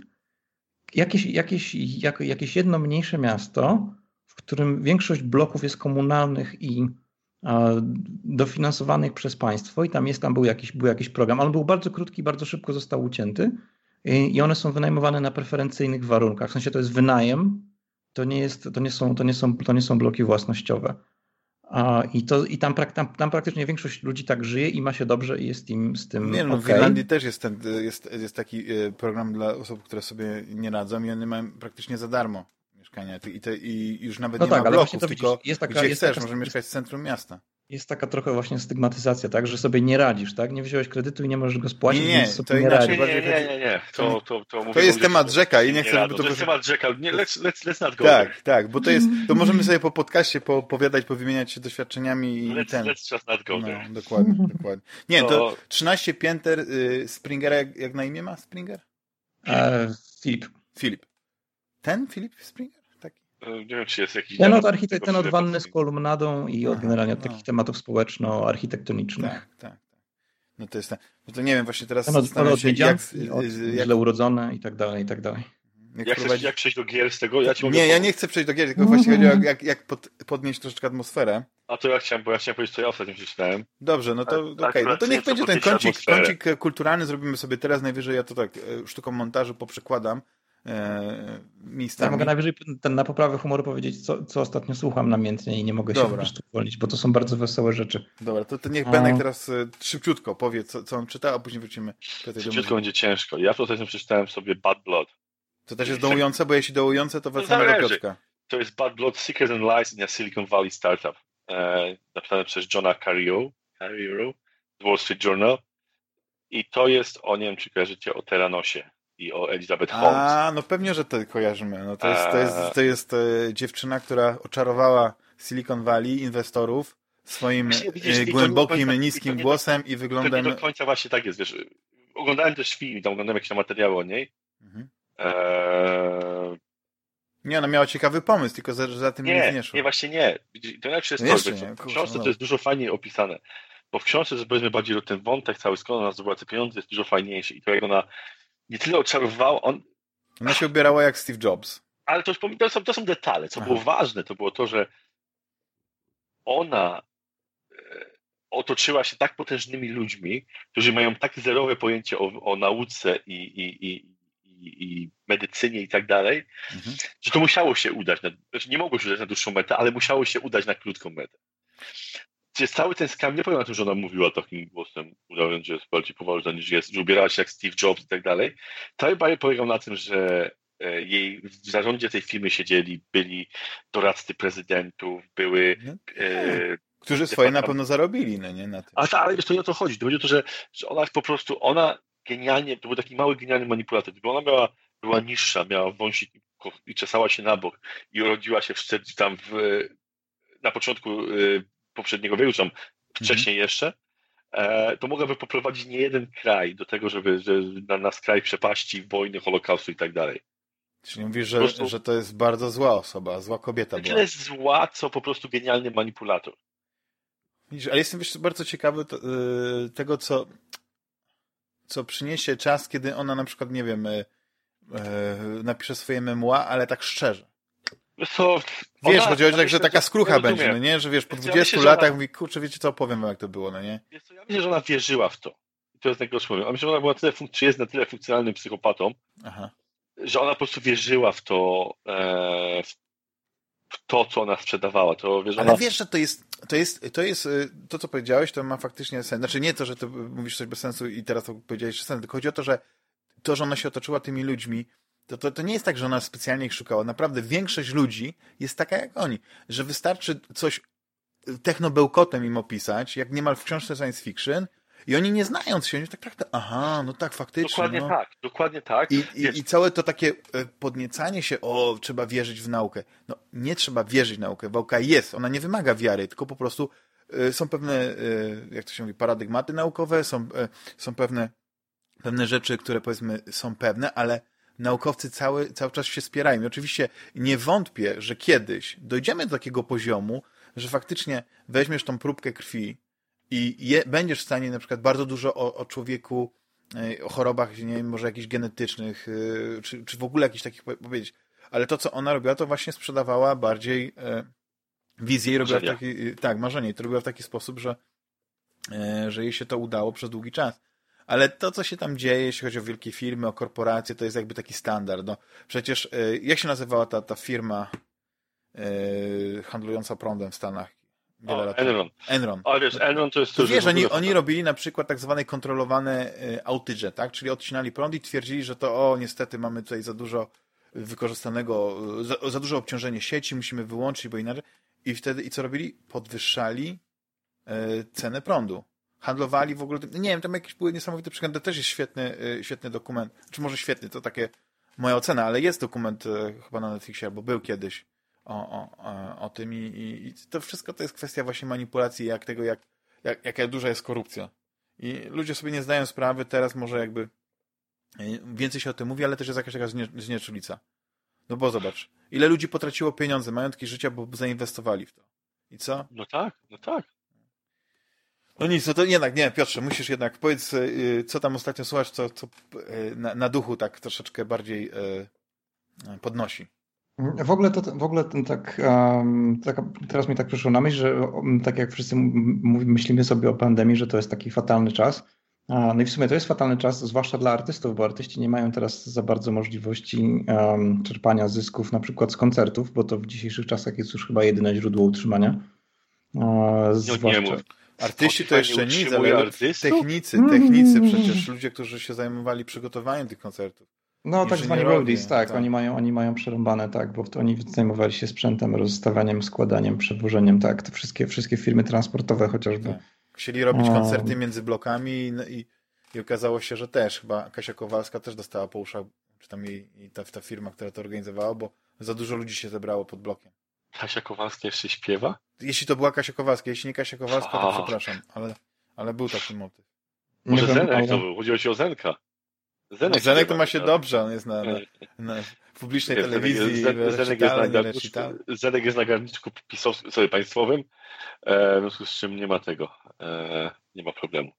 W każdym razie, w każdym razie, mimo wszystko ta pandemia jest dobra chyba głównie dla słuchaczy, bo tych płyt wyszło w tym roku naprawdę dobrych, całkiem, całkiem, całkiem sporo przynajmniej nawet tak z takiego mojego w miarę ograniczonego punktu widzenia. Natomiast coś, no, część tych płyt jest optymistyczna, który, przez którą ostatnio przechodzę, część, część, jest, część jest mniej optymistyczna, ale właśnie dzisiaj myślałem, że o, tak, o czymś takim bardziej optymistycznym.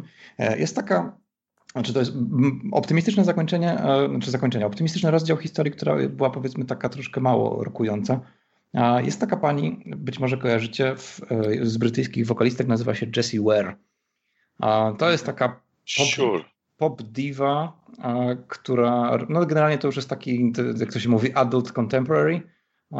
Ona robi takie piosenki raczej już dla, powiedzmy, troszkę starszej publiki. Dla seniorów, co lubią kokunin. No może nie, może nie dla seniorów, ale, ale powiedzmy, no te, jej teksty są zazwyczaj dosyć poważne i, i, i ona jest, była zazwyczaj taka dosyć poważna. No i, i czytałem gdzieś taką anegdotę, że jeszcze, przed, jeszcze przed pandemią E, ona była gdzieś na jakimś festiwalu muzycznym w Stanach, nie wiem, czy to nie była jakaś Coachella czy coś takiego.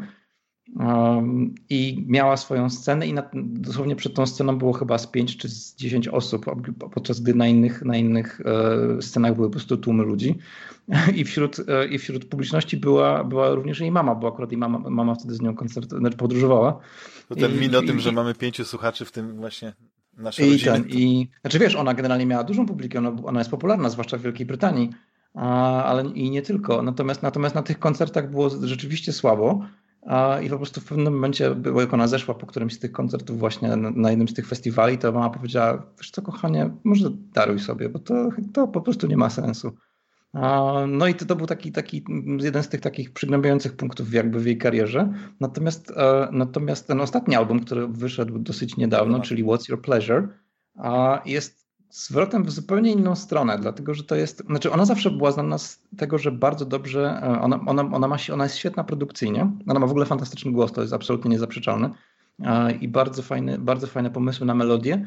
Natomiast w ogóle, jeżeli chodzi o taką warstwę muzyczną, muzyczną utworów, to prawie zawsze masz wrażenie, że to jest skądś zapożyczone, albo prawie że skopiowane jeden do jednego, ale jest to zrobione na tyle dobrze, że w zasadzie nie jesteś w stanie podciągnąć pod to żadnej konkretnej piosenki, czy to z lat 80. czy 70. I ta ostatnia, a ta ostatnia płyta jest w klimatach nie tyle mm, soulowych, czy co funkowo-soulowych i disco. I to jest chyba pierwsza płyta, na której ona jest mm, mm, dużo bardziej rozrywkowa, nazwijmy to. Ona się tam dobrze bawi, jest tam dużo śmiechu, jest tam dużo zabawy i takiej zgrywy, czego ona nigdy nie robiła. Ona zawsze była taka super poważna i zawsze śpiewała miłości i takich no, bardzo poważnych związkowych sprawach. Natomiast tutaj po prostu widać, że ma zwykłą, zwyczajną radochę z tego, że, pod, że, że na podkładzie jest, e, jest po prostu fajny rytm dicho. Albo że, I to takie ładne, dobre, klasyczne dicho. To nadal jest taki bardzo glamour style, że tak powiem. A to, są, to jest czerpanie z dobrych wzorców typu, typu Giorgio Moroder, to jest typu, nie wiem, ABBA, typu Soul Funk, e, z, nie wiem, z Motown i ze Stax Records. Do tego są napisane lekkie, lekkie humorystyczne teksty, Super się tego słucha, naprawdę fantastycznie. A z drugiej strony słychać też tam, ona ma zawsze coś takiego, że słychać taką nutkę takiej typowo brytyjskiej melancholii w tym. Przynajmniej się zawsze wydawało, że tam jest odrobina. I nawet w tych takich najbardziej humorystycznych kawałkach też to gdzieś tam, gdzieś tam słychać. Czasami gdyby wyjąć na przykład ten taki, taki beat spod znaku Daft Punk czy Siemens Mobile Disco, to, to słychać, że, taką, że, że tam jest, że, te, że te elementy jakby poważne nadal są. Przez to, to, to sprawia, że te kawałki są takie troszkę nie do końca niejednoznaczne, nazwijmy to. Ale, ale jeżeli chodzi o brzmienie, to jest po prostu glukoza w uszach. To jest po prostu tona cukru. To jest zrobione świetnie. E, bawię się przy tym rewelacyjnie i mam to praktycznie zapuszczone na repeat. Oczywiście nie w pracy, bo nie jestem się absolutnie w stanie mhm. skupić na pracy. Natomiast w czasie wolnym to można do tego tańczyć na ulicy. A właśnie chciałem powiedzieć, że po prostu jest całe cudo. ciało ci się rusza, tańczy. Jest po prostu tak, tak. Absolutne cudo pod tym względem. Po prostu ciężko jest usiedzieć w miejscu, jak się tego słucha. Także polecam. No i to jest pozytywny, pozytywny To jest pozytywny. Nie, żeby to były moje klimaty, przyznam się, zbiciować nie puściłem sobie piosenkos. E, Moim właśnie, zdaniem najlepsza, znaczy najlepsza, takie najbardziej Właśnie ten What's Your Pleasure puściłem. What's Your Pleasure jest konkretne. Oczywiście Bernard to po tytułach puszcza, a nie po, po, po jakichś tam po nutkach. Jaka to melodia? Po pierwszej nutce.